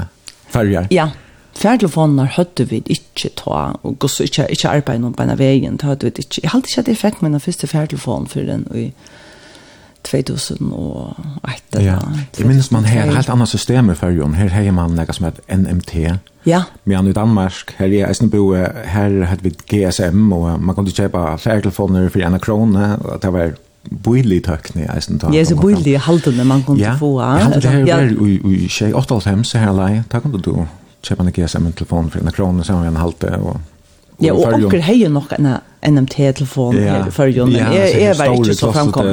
Ja. ja, ja, og det var, og det var också som var öjla funnet at det var en affærtelefon. Ja, det var dyrer, og, og dekningen var ganske helst så god. Det var nok ganske mer rett der til, til uh, showfolk og andre som, som var i baten kring Aljanar. Ja, ja. Så räcker det här. Till Bjergjunga Sjönom och allt det här. Ja, för jag får la tryggna till Rocknivi. Onkel bilar hade jag, onkel färdtelefon. Det var en onkel stora kasse det hade bilarna. Ja, ja. Så det här var center som affära tog jag att du tog innan skulle flytta till Färjar. Nej, alltså vi vi hade inte färdtelefoner där vi bodde nere i helder så så det var lokalt inte som affär att du tog innan. Det hade inte, men man märkte ju väl att at um, at folk var mest av kreppene. Mm. Uh, onker, minst det møtte onkel som sier at jeg har 28 år, så er jeg 8 år, og de bare betalte jeg på hus. Og jeg minns man leier mest leisende at at det var ulen ego halv lio hus og havaner tar det var ikke havar anlagter at han at folk hadde finnet husene opp og og så ikke mer ikke var gjørs rundt om til folk simpelthen ikke at de har forrat til det det var ulen nek mest av tog halvdige ja at det var ikke livet livet. Hver, hver flottet tid så til, eller hver bodde dit? Vi flottet nyan i Bergabrekka, og det var et fantastisk sted. Altså godt nok hadde vi hjemme hørt om ta at vi bodde nere att Bergabrekka, at det var så skandalebygger og og Baumen sier han har jo bestemt ikke opp i bergebrekke, men mer dumt i øyne vel, og vi elsker å bygge hver oppe. Bøttene, bøttene sier ofte at det var det beste stedet jeg bygge hver, det var bergebrekke. Det var så øyne nek for nekvar unga familjer, og nekv, nekv småbøtt som var jankommet vi okkara. Mm. Så de spalte nekv, for. her var nok så nekv natturreisen, de kunne skreie her, og her var så en er gråd bunch i piver her til atle var bytja meira, her piver her, og her spalte de nekv for oppe, og det var et veldig godt sted. Ja. Jeg bruker gå, godt grannalære, ja. Mm. Så godt grannalære, godt hus og godt starv, eh kanskje du dreimast der, ta hos vi kjøy utvarpen om. Ja. Minnes du uh, da du byrja i hva er oppgaver du har å byrja vi? Hvordan du tar seg vi? Ja, altså først at jeg halde jeg byrja, jeg halde min første arbeidsdager har vært, jeg halde 16. september halde jeg, og jeg halde den første samrøven jeg skulle gjøre, det går så den første som jeg skulle ringe opp, det var Jørgen Astrup Hansen. Jeg minnes ikke hva jeg skulle spørre han om, men jeg minnes godt at jeg begynte å si, ja, begynte å sette noen spurningar, og han sier, bøya lukka, sier han, bøya lukka, sier han, hver er du? Så han ville vite hver vi er. Ja. Altså hver er du, og hver, hver kommer du fra, og, og hver har du arbeid, og han ville vite noe om meg og æren. Mm -hmm. Og det var nok så stort litt. Men ja. faktisk nok så, eh, nok så i orden, jeg snill alltid, at det her vi at, at du legger det jo i hendene bare og en løren tilfeldig ja. journalist til dømes. Jeg, jeg halte det var ordentlig funnet at han, han gjerne ville vite hvor er det som er mm -hmm. prater vi. Ja. Så det var nok så stort litt han. Var han uh, større i Førjebanka da? Han var større i Førjebanka da, ja. ja. Ja, det var han. Så alltid hans første samrøvende gjør det, det alltid var vi Edmund Johansen, han var lukkemøver da, ja, alltid. Ja og det sambrød vi han. Mm -hmm. Men det här var alltså jag kom i hver redaksjon, Det var allt det var bara menn av redaksjonene ta i utvarsen. Ja. Och interesserer oss i ölen for, för fiske och alltså som rundt hver kanskje isne. Mm. är intresserad men kanske inte så nek for fiske egentligen. Eller är helt kanske att det var roligt av fiske så är rundt jag skjuter upp andra andra evner ganska som snur seg ganska mer om trådde og abatnansing och og helseøkje og sånt, og Nei, det interesserer oss ikke øyne jeg fyrt om egentlig. Det som han tar kallet for det bleide virene ganske av personsøver som, som tog for dette. Ja, som er helt veldig interessant, men ja. det har ikke, det er helt det her ikke, det har så øyne interessant endelig. Hvor var leier da? Det var Johan Morsensen. Mm -hmm. Han var leier av Tøyndatleitene. Ja. Han var, det var øyne godt ved Johan, at han, uh, Johan har alltid har alltid haft så øyne godt og alit, og hatt heimen som arbeid tjånen.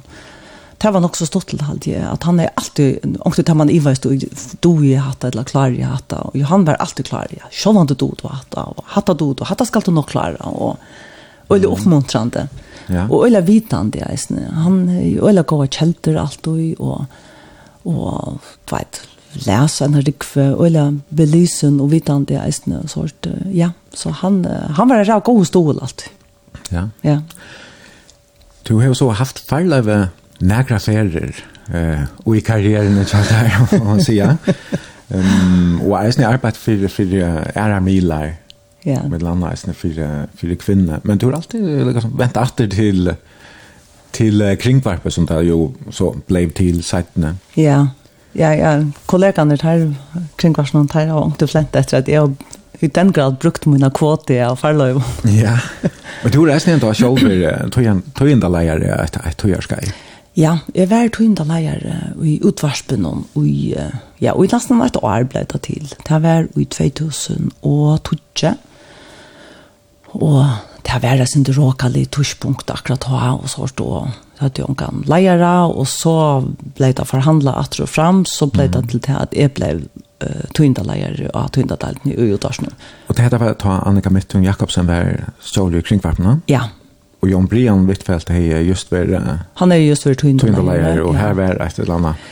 Ja, ja, det var akkurat, han var akkurat fra, og det var øyla råka litt hui, og jeg har slett ur høres hoa være Nei, Jeg er sånn, det er slett ikke som leier, jeg tøyner slett ikke vera leier, og Men det akkurat ta virka det som det vær lukka som den eneste løsnen, så sier jeg funnet, jeg skal la meg teka det, og jeg halte jeg sier, tror ikke om er lagsåret, og så vil jeg slippe uh, bort. Um, ja. Men jeg vet ikke, så sier tror ikke om er tar blivet til nesten et år, jeg halte jeg vær tror ikke om er jeg. Ja. Halte jeg nødt kjær noen, så ble leier 1. mars halte jeg, og så halte jeg 1. januar halte jeg, så, så slapp jeg sted. Ok. Ja, ja, som du nevnte, Janne, så, så togst du feil av i ena fyrir halvt av 2006, sant? Da du arbeidde for å bli kvinna? Ja, jeg arbeidde for kvinne, det gjør det og innan kramaner, og det var nok stått til å skrive greinar, og ja. jeg halte jeg var den kvinn, første journalisteren som kvinne ansette, tror jeg. De skulle prøve, blei vel nok så nødt, tror jeg, ja. og, og det gjør det gjerne røyna, sette en fast arv, så. Det må ha vært nok sånn jeg ærvise, i mån till att arbeta till att delta kring kringkväppen och skriva skulle skriva för kvinner. Ja, ja. Det för till ju helt, helt helt ära söver och Meira säger bleite sövnar eller tog den här kringkvarsen har vi finns just vi och finns just vi alt med himmel gör och fisk med andra eisen ja. och allt möjligt annat og här vart det ganska synd det mer bleite sövnar. Och och så inte ens skriva text om om jag vet inte poter och solbriller och allt möjligt annat esten och det här helt kollegan kring var som att det var förfärliga stottlet esten och här platte att skriva till mig och arka mig in i mitten och hur du näkar poter kvastra söver i det. Ja ja. Men uh, du är eisen just under mig allvarsom ting. Uh, du står för det att göra krabbamans atlanna för landstory hälsomalare i 2008 men i det var? Ja 2008 ta ja ta jeg var samskipare i uh, tog arbeidsbolsen som gjør det. Ja. Krabba meg i Satlanda. Det var øyelig spennende. Og det var nesten akkurat, jeg, jeg har jo øyelig stående av hva, for jeg jo ikke noen. Og det var øyelig, øyelig spennende. Sånn at det var øyelig strev tog at uh, det var første krabba meg i Satlanda som førre skulle heva. Og til det kvart er det at du skal heva vi og sånne krabba meg i Satlanda. Og det arbeid tog så sin det langere tog igjen enn en, det var sett til 20 måneder, jeg hadde tog 13 måneder, et loksjort, og det har vært et øyla størst arbeid, og vi hadde jo en arbeidsbølg, og det hadde jeg eisen i ordet gjøre, vi gjør om tingene eisen, ja. Men det har vært et øyla spennende arbeid, ja. nek vi, vet, handlet nek om, om, om grænskjønk, og hvordan, og hvordan um, krabba med skulle kjipes til fremtiden. Det var spennende, ja. Jeg vet at du har haft nekvar ærer oppgaver eisen ved søgna, men annet ofte blir årstorere til uh, til imenskare funter og tiltøk, og, og det har vi så gjort et med søgna samtidig som du har arbeidt i, i kringvart måneden. Ja, det har vi gjort uh, ved søgna, det har vi gjort, jeg hadde en 20 år også, det hadde jeg vært årstører, så jeg, inni middelen. Mm. Men uh, jeg mener det er tro jeg er så gjerne eller kanskje, jeg sender meg inn til at uh, jeg tog gavst uh, i, i kringvart måneden. Ja. Kui? Ja, kui, ja. Det er tog at jeg har jo vært i kringkvarsen og i øyla nekvar et sånt ne. Og jeg halte, altså mer damer det vel, men det er eisen et øyla slutande arbeid. Um, det er faktisk som arbeider. Og tog inn at det er knokla virkelig. Altså det er Her er øyla nek som man arbeider eisne, at han har arbeidstog, og man kanskje ikke er, er lønt heldig, man skriver seg ikke, man er alltid til arbeids da man arbeider og tog inn tøyne deltene. Du, du har alltid antenner ute, og du får noen rynger om kvalitanere, eller lønger arbeidstider eisene. Og jeg hadde, jeg var begynt av lønges etter, jeg tømte simpelthen ikke være en vaktarskjema i meg. Um, jeg vil gjerne bestemme hvordan jeg selv vil de arbeide, og eisen tog at jeg, jeg helt at det var øyla strev i eisen, alle togene at skulle gjøre tøyene der, vi øyla stått hun skal prøve eisen, Ja. Du, kanskje færre en rapport som du skal lese om morgenen, og på halvtro sjuer eller hundra sjuer som du skal så gjør det til togjunder av middag til dømes, altså, til, til en ugjørlig oppgave. Altså, jeg, jeg følte til at ofta og oftere at, at, at, at, at jeg gjør det ikke mot arbeid noe godt. Uh, og det vil jeg det gjerne at føle at, jeg vil gjerne føle til at jeg som oftast gjør det ordentlig godt. Ja. Og det halte jeg ikke alltid det var mulighet til. Hetta var annars akkurat ta i Ivan Niklasen blev större kring vapen men det er jo ikke det jeg gjør. Nei, slett ikke. Nei, nei, jeg sier jo opp, og jeg halte til å blev annan kunnkjørst. Jeg vet ikke om det er samme det eller Jeg minnes ikke ordentlig om det er annan kunnkjørst og æren, eller at han har men nei, det är slett inte det. nei, jeg prøver ikke. Jeg sier jo opp, ja, det er nesten fyra år siden nå, at jeg får ur starv. Men det var eisen på mundet att det var det var nok så jeg rumpol och innan innan huset strui att hun ikke delte ner med den, ett hon inte delt ner ganska lejaran och så show han omkring vart någon Det var en øyne råka litt, tror jeg. Som tar väl Johnny Gråt någon. Ja. Ja, ja. Veie, och ja, det hon blev og och jag ikke inte han säger upp eller hvordan det var men Ja. ja, hon blev uppsökt och det var, det var en öliga, det var en öliga strävan tog, mm. akkurat då. Det, det tycker vi att alla som arbetar tog inte vill jag säga att här är en det var en öl strävan tog. Ja. Att det var ju innan huset knutchingar eisen och och ut efter eisen och samstund skuld så skulle det stanna här och och göra ett arbete. Ja. Akkurat som som antje. Mm, så det var en öl öl strävan tog hade jag. Jag hade börjat spela ett lätrat och nu får vi til uh, herran Tuskan Rock, som du eisen har valgt. Jeg vet ikke om jeg heter minnet om det er strøy, eller om det her vi der. Ja, men da man også vel rocktonleik, og, og, og sånn mun han, hun da man rock tone like så vi sitter opp til, og du vet, og det tone like og han sier, vi står det hele leie, og det er vi Ramstein, mm -hmm. alle det att han han nødja seg arbeid, Och vart om det, altså, det er øyla gode rytmer, men alltså Han är simpelthen så fuller. Okej, jag har ju slått upp texten nu. Jo, jo, det är bättre än att huskon, så ganska de flesta ganska inte ordentliga, ordentliga skiljan, men han är alltså, absolut inte politiskt korrekt på nära mata, och, mm. men han är, han är bara goda rytmer. Han heter Dicky Titten. Ja. Kan jag märka det? Ja, det är ja, jag vet inte, det är stilla. Alltså, men, men, men jag är där... Stora popper, alltså, okay. och långa titeln är ja. öjliga och korrekter. Okej. Och jag husar bara, skulle jag bara sånn sensorerende ord, så sier tvall godt er. At tonelager er eisende, det er eisende kjensler, och det er rytmer, och och og tonelager skal inte bara vara ja. politiskt korrekt. Så blir det eisende forkjølet. Mm. Han njöt bara mm. rytmerna Ja. Ramstein är en, en konceptbølge, kan man säga. Ja, det här jag är som Ramstein, men det är det. Det är Ramstein, men, men ja. Men så är det blandat samman vi sån som kommer här. Hette man Ramstein. Ja. Ja. Ja, hatt det Ja, det är en sån en konceptbalker också teatralt det här hela. Att det är alltid utklattert att jag spelar konserter och så. Du borde färre konsert med dem. Ja, jag har det. Jag är färre. Flott där, jag är där. Ja, det er altså 2400 av Facebook-synet Kjøp Brunch, ber UNSJ, at du kan sende vi mersninger, spurninger og helsanger. Jeg lever alene, schon viel ground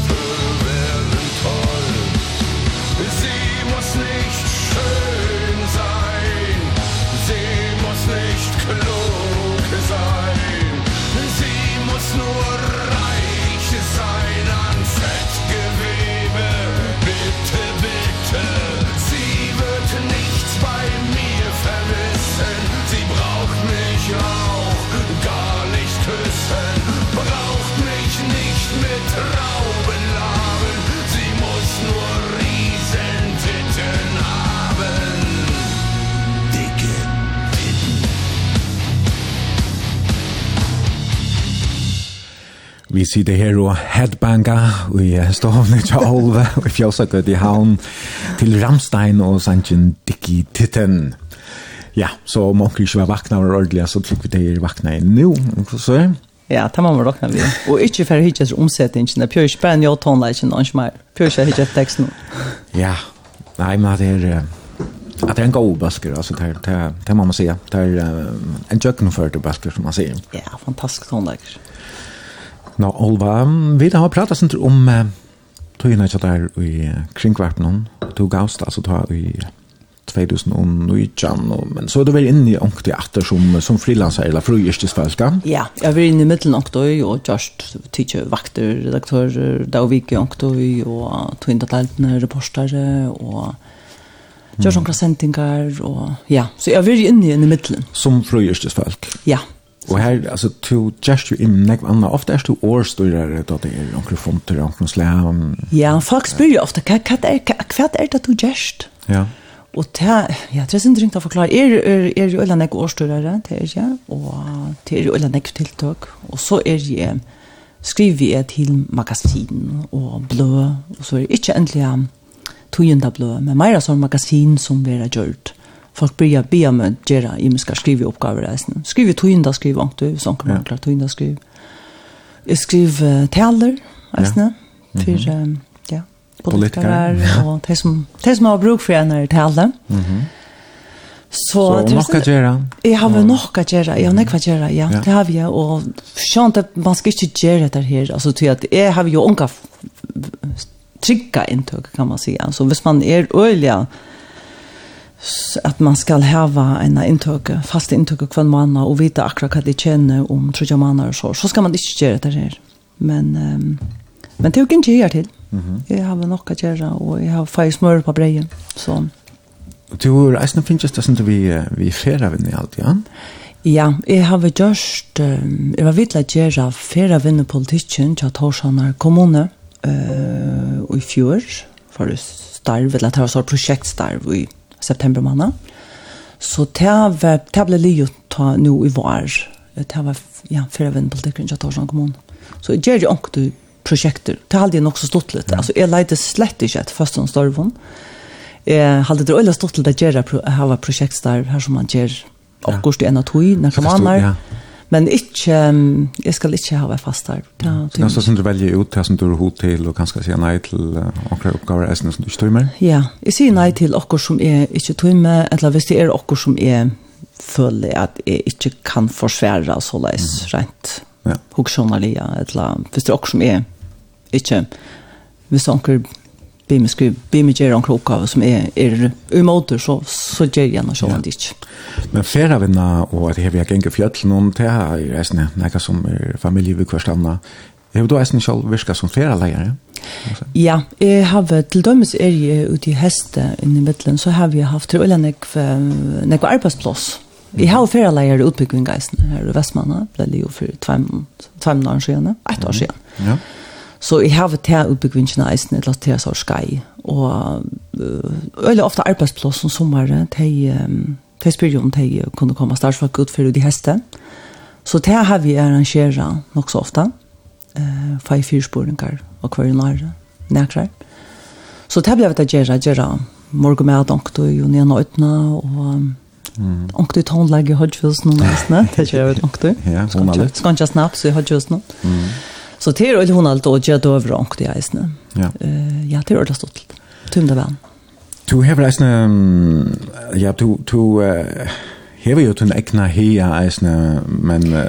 Ja, ikke ordentlig min äckna hea, men det är ju en... Ett. Ja, ja, fäste. Du vet hvordan en nämnt för du vart nämnt så här här för färjan. Ja, eh är ja, är är och några vi var en kvart enn 15 som stående og fela igjen. Tog jeg at det var 2019 her fela følge, og det er til at arbeide fire retten noen tja, tja for en gang, at genka og i, at njóta natturna, at la være ute i natturna, tog at vi um, vi tilde til at det var blivet sin til trångt. Uh, på tammatan, altså skilt på tammatan at det kom uh, gjaldskipene opp, at, um, at knappt så stod eh jalskipan uppe att du skulle betala för affär higan ta blev ta blev ofta sagt att du du måste bygga löv du släpper ju higan utan du spurst om löv och att du ska betala för för den i fjällen och ta helt vit att heter är en öle och domlig gångt att tu tu tu det är ju naturligt tja förns någon att leta sig ut i higan att att njuta naturen och förklara och Ja, og du har gjort det lukket fra, fra bandsbein, ja? Ja, jeg har alltid gjort det, ja, ja. Jeg har ikke nekk for bjøtene, og, og jeg har alltid, altså, jeg hadde jeg vært øyla gå med lærne, visste jeg at det var, var noe som et en gyringer lov til at jeg har alltid ikke, altså, bare i ungdommen og badnåren, og jeg har alltid ikke nekk og igjen, Og, og har vi ansett det, altså, jeg har lært fra bandsbein, ja, vet vært, ja, men, ja, du ansar etter til det er lemping, og du gonger ikke inn i, inn i bønnen, um, og om sommer og om var og armbøverne slien, og du anser etter for klån, og ta ta batna ta batna lærdomen som foreldre nu en för jobb att nu chasa. Mhm. Ja, det var ganske nekka som man jeg vet man lärde skolan men men ganske nekka som man burde lært bøttene, langt fra, fra skole alltid, ja. Ja, det er alltid, ja. Og jeg har alltid det er, altså vi tildi det også, så vi som stående og fjellet, vi tildi det det er øyla spett, at mitt liv i førjon, og visse uh, føringar ikke skulle kunne, kunna färra ut i naturen og sätta seg ved vatten og oppleva, oppleva vekerleikene i naturen så ble vi en øyla, øyla, øyla fatak show. Mm -hmm. Hvis det ikke ble naturligt, og visst visst du skal betala mm. pengar og spyrir om løyvi og æren. Hver, hver fyr så spontaniteten, mm. så så først du ikke leita der ute i hien langer. Men så er det jo eisne de støyene som er ikke han ikke belastet, ja, og ganske utlandsk flere folk eisne som kommer. Ja. Så er det vel eisne nek brøyt, altså det er ikke lukka ja. nek vi flyr alle stedene langt. Nei, og det er helt klart nek som man skal gjøre nek vi eisne, så det er sjålvande måtte være så leis at det tar ta i bøndu skal færa fjall til dømes, så, så, så, så nytta det ikke folk kan gå med alle, stedene i eisen, ja. Så vi, vi må ha en skipan her som det blir opplyst bedre når man, når man færa fjall til dømes, så, så folk kunne sette seg noe til, og sjåan til støyene, eisen, her som det er øyne nek slit. sjåan til mamma gjerra nek av vite og gjerra trykka gøter, i eisen.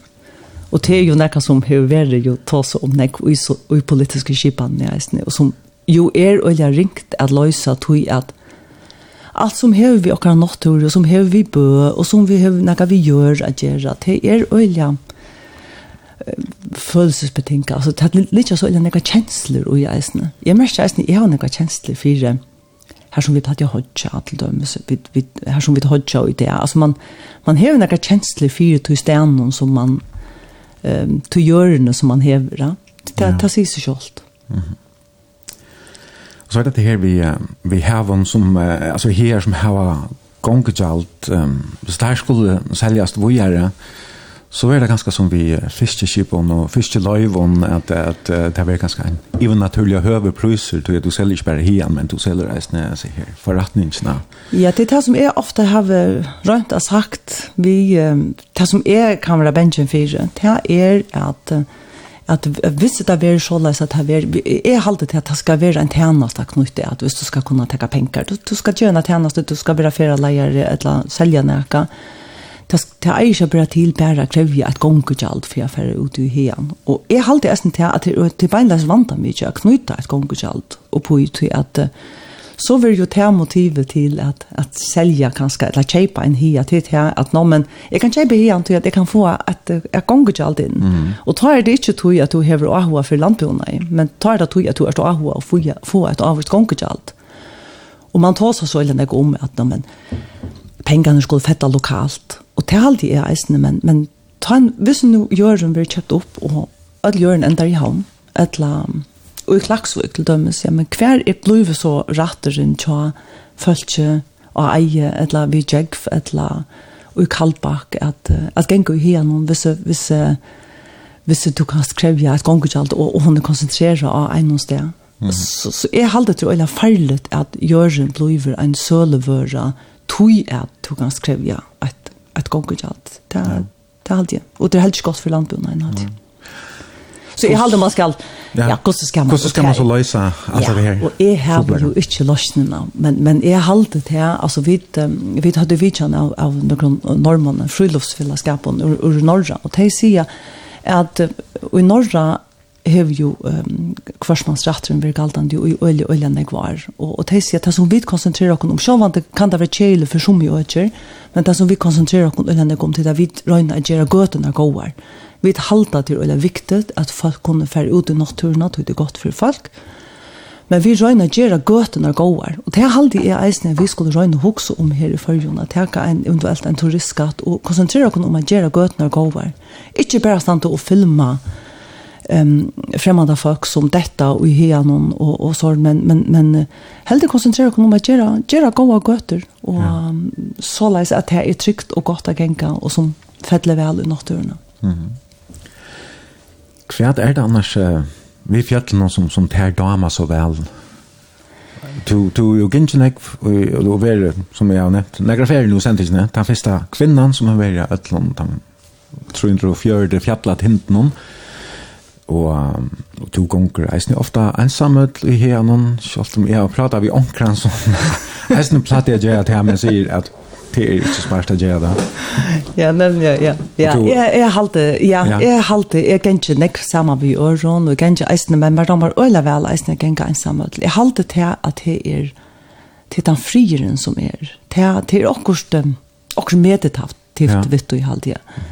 At det er genka ensamme, og øyla ofte sett jeg meg sted eisne, som, som her som er ikke suttet nære mennesker skapt. Så sett jeg meg her og hokser, hugsa ganska tusen år atter, eller 2000 år atter. Jeg halte til er akkurat vi tog støvefesten som er ved naturen, at, at han den øyen, hun vær her eisne, om det satt når han sparte, ja, hun vær her eisne, ta i meslingene herja vå, hun vær her eisne i 1500-tallet, og er nærkere kom til følger, til er akkurat vi, at vi mennesker er øyla små, vi halda okkur være øyla betydningsfull, men vi er i verlagan øyla øyla små. Det er akkurat um, vi tog. Ja, det er perspektivet, og det er at det er sett like, som vi, vi er perspektiv, at det er at være mennesker og vi lever her så stort, og ganske gjøre så størst inntriv her som vi der. Ja, og alt er så øyla, alt er så flott, vekkert, ja. ja. Her som menneskene ikke er være. Her som menneskene ikke er.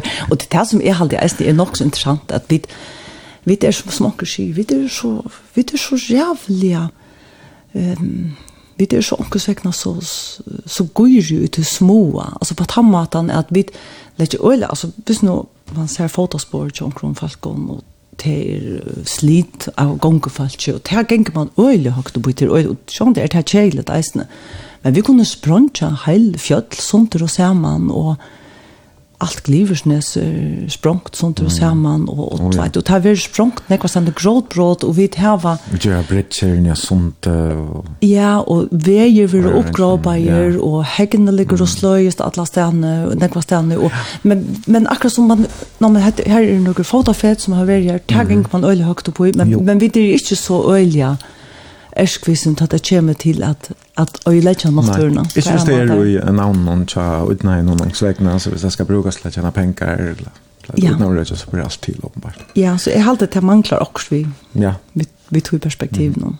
Og tog du valgte at vi skulle høre en sol? En solmer, ja. ja. Det er noe helt annet enn Randstein. Ja. Mm, Eh, jag hade det den vackraste somren som jag vet om. Det er upp allt som Herren har gjort. Han säger och den är kvar tog. Ja. Är det en, en sommar som du kan synka för dig själv när du gänger upp i fjällen? Mm. Ja, och du ja. Ja. Alltså till Høyland. Ja. Och det är alltså Torsan Hamanskår som synker. på du har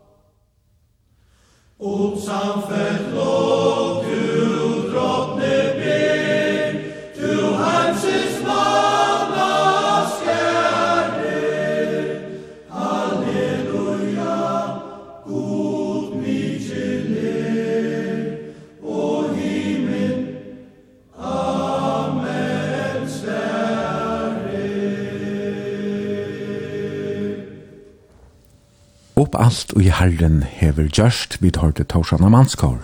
Og til Olva Segariasen, som er gestur i morgen og vil tonleitjen, Og vi har nå sendt i tvær tøymer ur Fjósakøte og i Havn, her vi har sitt i Honakon, vi lekron, bollon og vinabrei fra Breivisnon, og godt kaffe, og god kaffe, og alle mulige øren god natt vi.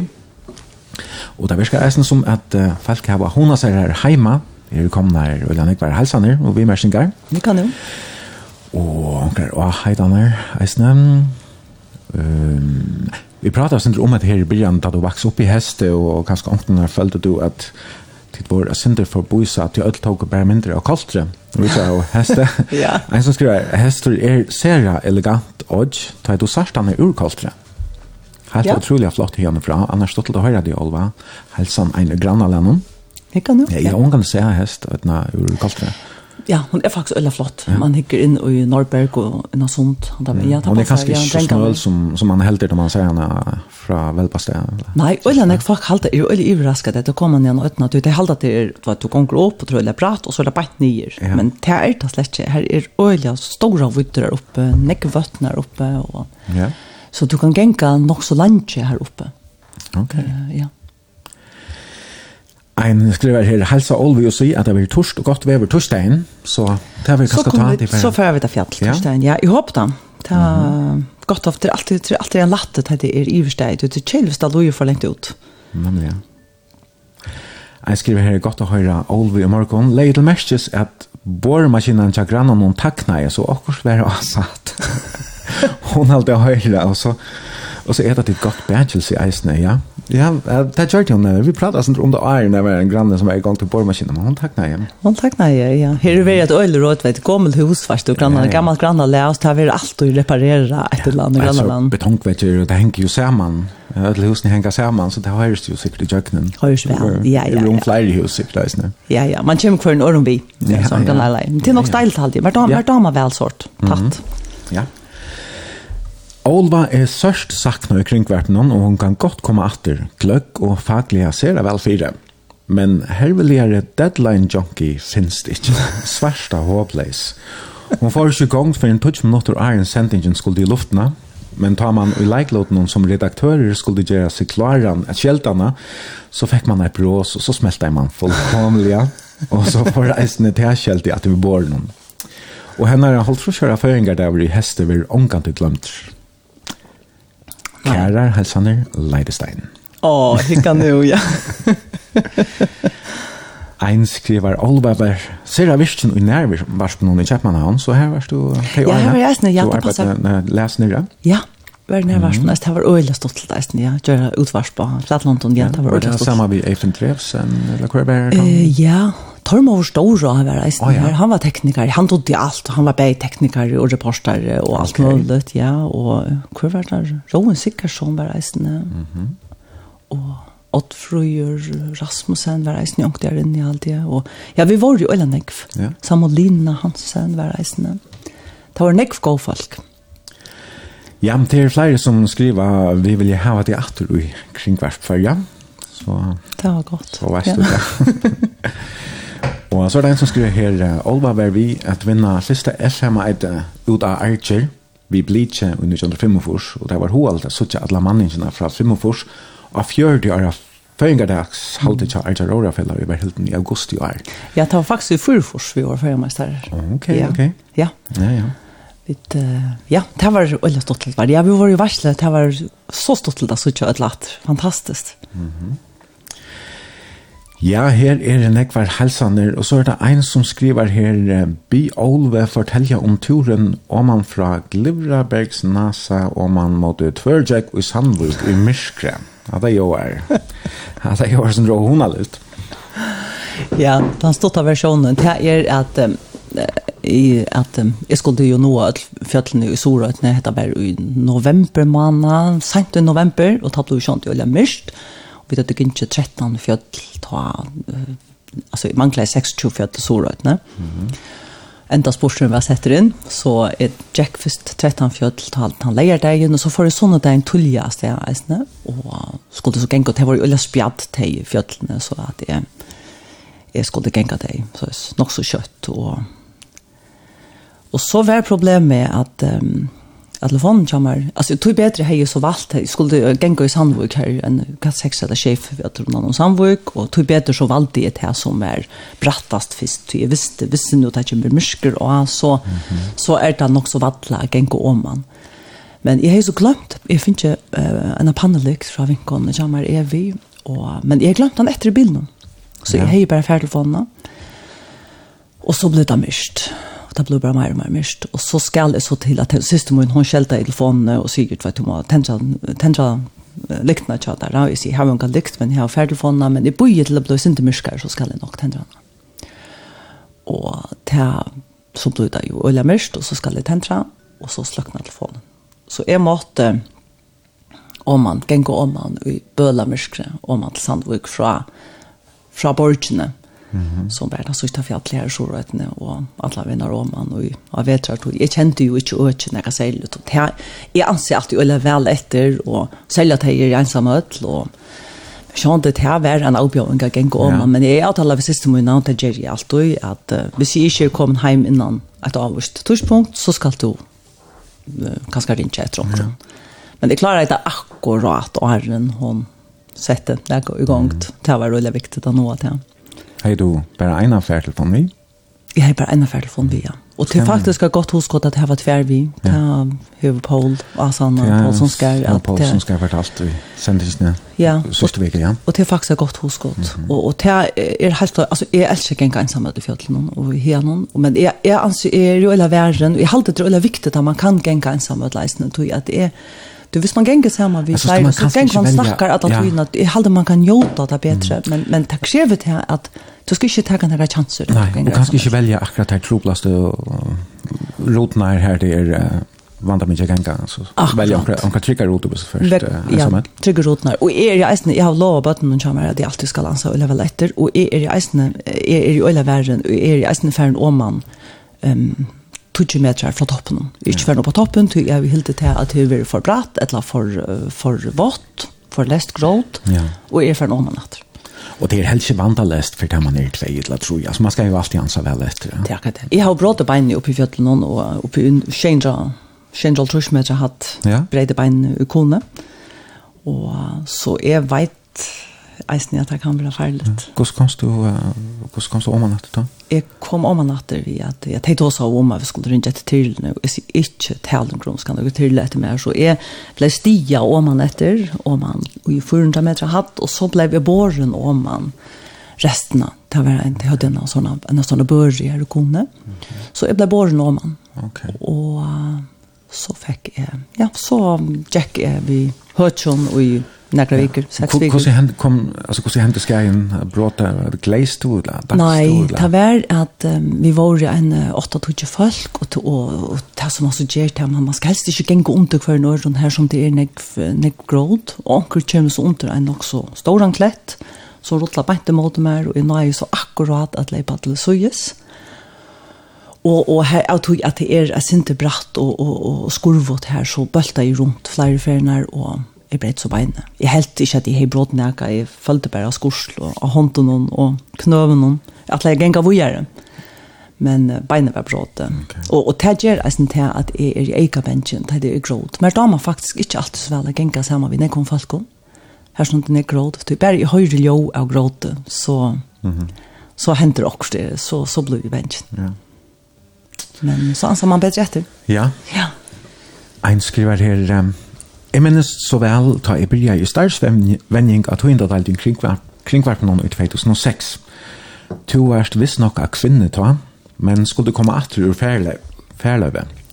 Jeg gledde meg så nekvet, hitt disse kvinnerne, som jeg så ofte har hørt til utvarpen om, fa lesa så vel som tog av Olva. Jeg er så glad for jeg kjenner det. P.S. Alvorliga og havnaligt at velja Anfen og Kompany. Og så er det flenne smiley. Men du er jo helt ikke havna kvinna som så? Jeg er, jeg er, jeg er bygda foreldre. Ja, det er jeg.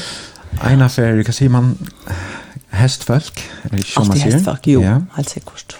For kanskje det man tannåringer, så helt man ikke til så rea kola ved heste, men jeg er øyelig glad for min oppvokst, ja. og å være, og å være bygda folk, jo, det er alltid. Men uh, man sier det at jeg er veldig heste, som jeg har sagt nok til før, jeg er veldig heste i nok slenka det og steg jo i vi skrape og i rattene och så. Så det är rätt helt att komma till havnar och dricka kaffe latte och vi resten till havnar sig. Ja, det er nok det bästa at få sindra bauen. Ja. På hon hemma där. Det er veldig.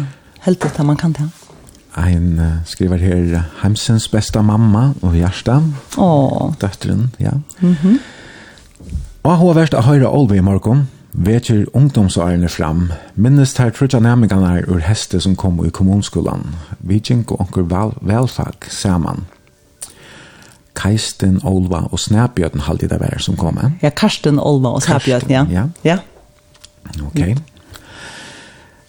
Ein avheitan her Olva nu og Movi kjøtt heva oktoberfest, og bindeklubban hon nu til over avduka til henne for kjærlighet for full, full, fullon tuskon rødt, altså ikke fullon, fullon tuskon rødt, ja.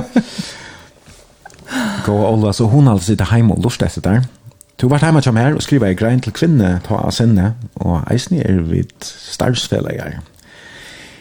Ja, her uh, skriver ein... Uh, jeg og Ola var til handelsudia og av landavennen for noen år siden, da kom en aggressiv maver opp i pratet og skjelte i Olva omkring hverandre. Vi stod og bæg som et spornartetjen. Da tok jeg sint i Olva. Det er ikke stort til det å være boksebølter til som. Nei, det passer. Det er sånn det her vi, som du sier, man eh vad du arbetar. Jag kan gå så är du alltid till arbete så att du kan hur så börja konfrontera alla ställen. Ja, alltid. Det är en handle. Det kunde lucka skott bli en dansested eller en kafé ja. eller et eller annet? Ja, til og med kan man ikke, og som, som regel er det, er det post til folk eller fitt og så, men, men det er eisen ikke du og beheilet, ja, ja. at folk, um, folk er gitt. Nemlig, ja. ja. I sommer ble Olva ultrarennare. Tema hun slipper et greja fra. Stod til det lort i morgen. Ja, ultrarennare. Det är det mer enn maraton. Va? Ja, det är mer än maraton. Ja, jeg var i Osland eh, og rann um, Laugarvevren ultra. Og det var mitt første ultramaraton. Det var 4,5 kilometer. i, um, ja, i kjøttelen. Eller i ja, naturen i Island. Det var fantastisk. Det er ikke mitt sørste ultramaraton, hvis det stender til munnen. Og det er jo ja, vi ser jo den skån som er til å renne i fjøtlene. Oi. Mm -hmm. Og jeg har stått litt. Ja. Tog lenge tog, men... Uh, og det her beinbrådet, det er ikke noe som er... Förspektet det. Vi nei. nämner fjällen om nei, nei, nej, slett ikke. Og jeg hade tagit han den beste, den bästa uppträdningen åter var uh, affär i fjällen. Jeg hade att jeg droppet faktisk opp, oppvendingene ut av landsjøgrøs nå til at jeg, Ja. Jag tömte inte. Jag ser jag får hellre hena gänka bare. Og jeg har jeg mest slett og ikke. inte i rush. Nei. Nei, her, her er en... um, En annan skriver her, ta knørrur vann, som jeg og i nødje for så alfens, platt i allveld skriva utrata tøyenti om kapprauren. Men tøyentene platt jeg være okkur som Arjabadren råe så så godt, ok, knørrur vann, men Arjabadren.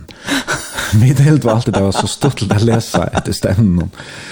Så han var Arjarorafella om en hals, og alt godt om det. Ja. Det vi kommer til. Ja, ja. Hjärsta bänkar för mm. jag rör för Sånne Sonen nu rör knorra fällan och är nu i havnar rör fällan så ta mamma skifta hästar till ett center. Nästan. Ja. Du reisne rundt i Åttanlands uh, forskjellige maratoner, og holm har du hvordan var det? Ja, här är vi gynnskje. Ja, jeg gikk rundt Bornholm, jeg synes det var en gynnskje nå i sommer, det var fantastiskt, det var Oj, oj, ja flott og pent og ja, vi gynker på fyra dagar. Mm -hmm. Det var øyla flott. Ja, så har vi æstnig ikke, ja, runde maraton, nøkker maraton. Mm -hmm. Imsa stender rundt om i heimen om? Uh, nei, jeg har faktisk bare, nei, jeg har runde, jeg har jo helst ikke runde sånn ek maraton. Jeg har runde nøkker maraton, og jeg har runde troi i København, og så rann i Holmaraton i Berlin og æstnig, og i var, det var øyla stått til æstnig, jeg prøver. Okay. Så nå tar man, hoksa om at vi skulle færa færa, så så, så huxar vi det ofta om någon. Man kan man kan maraton eller halv maraton vara att du står någon. ja, ja. Ja, man är nervös om att jag får ta färdast på. Det är nog nästa som är rena så väljer efter kvar kvar det bästa ständen när det är eller kan, kan man litcha bäst och bara slappa av och njuta där men andra det vill ju där renna och like och men det tror men det tror mig är ölla väl litcha sånt nu är alltid just ölla deiligt och avslappningsfärdig och lite läsa men men så ett renna ska kan det för allt det först och först så att så är har att för renna nästan Olvan, vi får ikke stunder til Meira. Vi kan lukka lesa en av seneste helsen her. Er du kommet her nekvar jeg at du kan, du slipper ikke om at jeg leser der alle rettene. Men en avheitan, vi kommer til å skrive, vent nu, svape sølene bætje og kom atter i kringvarpe. så jeg vet ikke for svape sølene. Ja, jeg har alltid hatt det i fyrrande starsvenn, jeg hadde Daniel Høygaard, hatt jeg. Ok, ok. Ja, han platt jeg ærka med, det var han som ofte platt jeg ærka med til å være kvinne. Ok. Uh, jeg snitt her vi fotokvastron og alt, og det er å være sapesølje, jeg snitt her, det her tar man arbeid i fyrre, tar privata vindeløyve og... Ja, nemlig, ja. Selge sap. Ja, ja kvart, alt det beste Olva, hun alltid har høyre det kunne skriva igjen, så eisne. Olva, hetta vet jeg, vi uh, finner stunder til i det, for jeg takker deg for at du kunne komme her i Fjøsakøtta, her i uh, gamla grannaleie som jeg platt jeg vera, og vi gjør om min apa og mun, det var smadronger, det var jeg vilja hona litt. Ja, takk for at du komst, det var ordentlig hona litt, ja. at um, her var det, ja. Helt sikkert. Og for jeg takker Eisne Ødlen Lorstein som har sendt vimersinger og helsaner og spurningar. Og vi får at uh, enda vi en sannsje sjående. Um, det er så ja. Adele som, jeg vet ikke om det er en sånn kærleikserklæring til omkran et eller annet, someone nei, like you. Jeg halte han, jeg halte han bare rak over alt, ja. Mm. Og, nei, faktisk ikke. Han kunne være en kærleikserklæring til odd, men uh, jeg, jeg har jo ikke også om noe bestemt. Jeg halte bare han er, han er øyla ben, ja. ja, til faktisk bare det. En annan fer, takk for at du kom til kom og vidtja til i morgen. Sjål takk.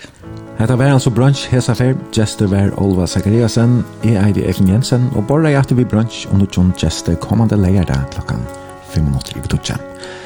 Takk til oss som lortet igjen, og godt vikskifte. I heard that you settled down, that you found a girl in your married now I heard that your dreams came true. Guess she gave you things I didn't give to you.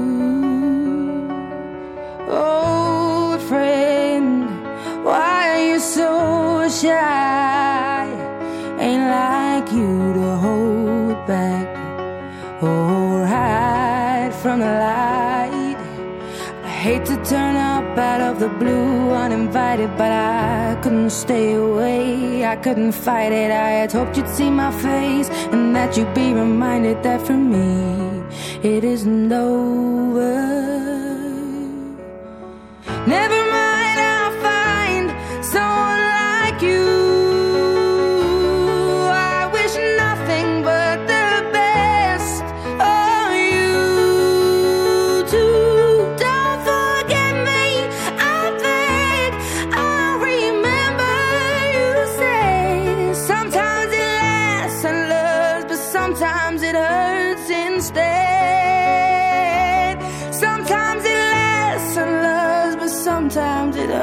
since day You know how the time flies only Yesterday was the time of our lives. We were born and raised in a summer haze Bound by the surprise of our glory days. I hate to turn up out of the blue uninvited But I couldn't stay away, I couldn't fight it. I had hoped you'd see my face And that you'd be reminded that for me It isn't over. Never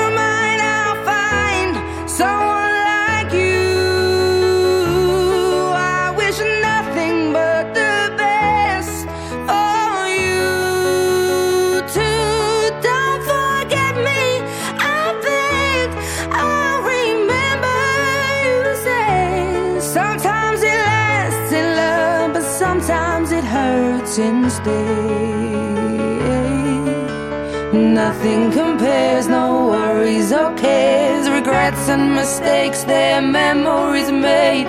Who would have known how bittersweet this would taste? Never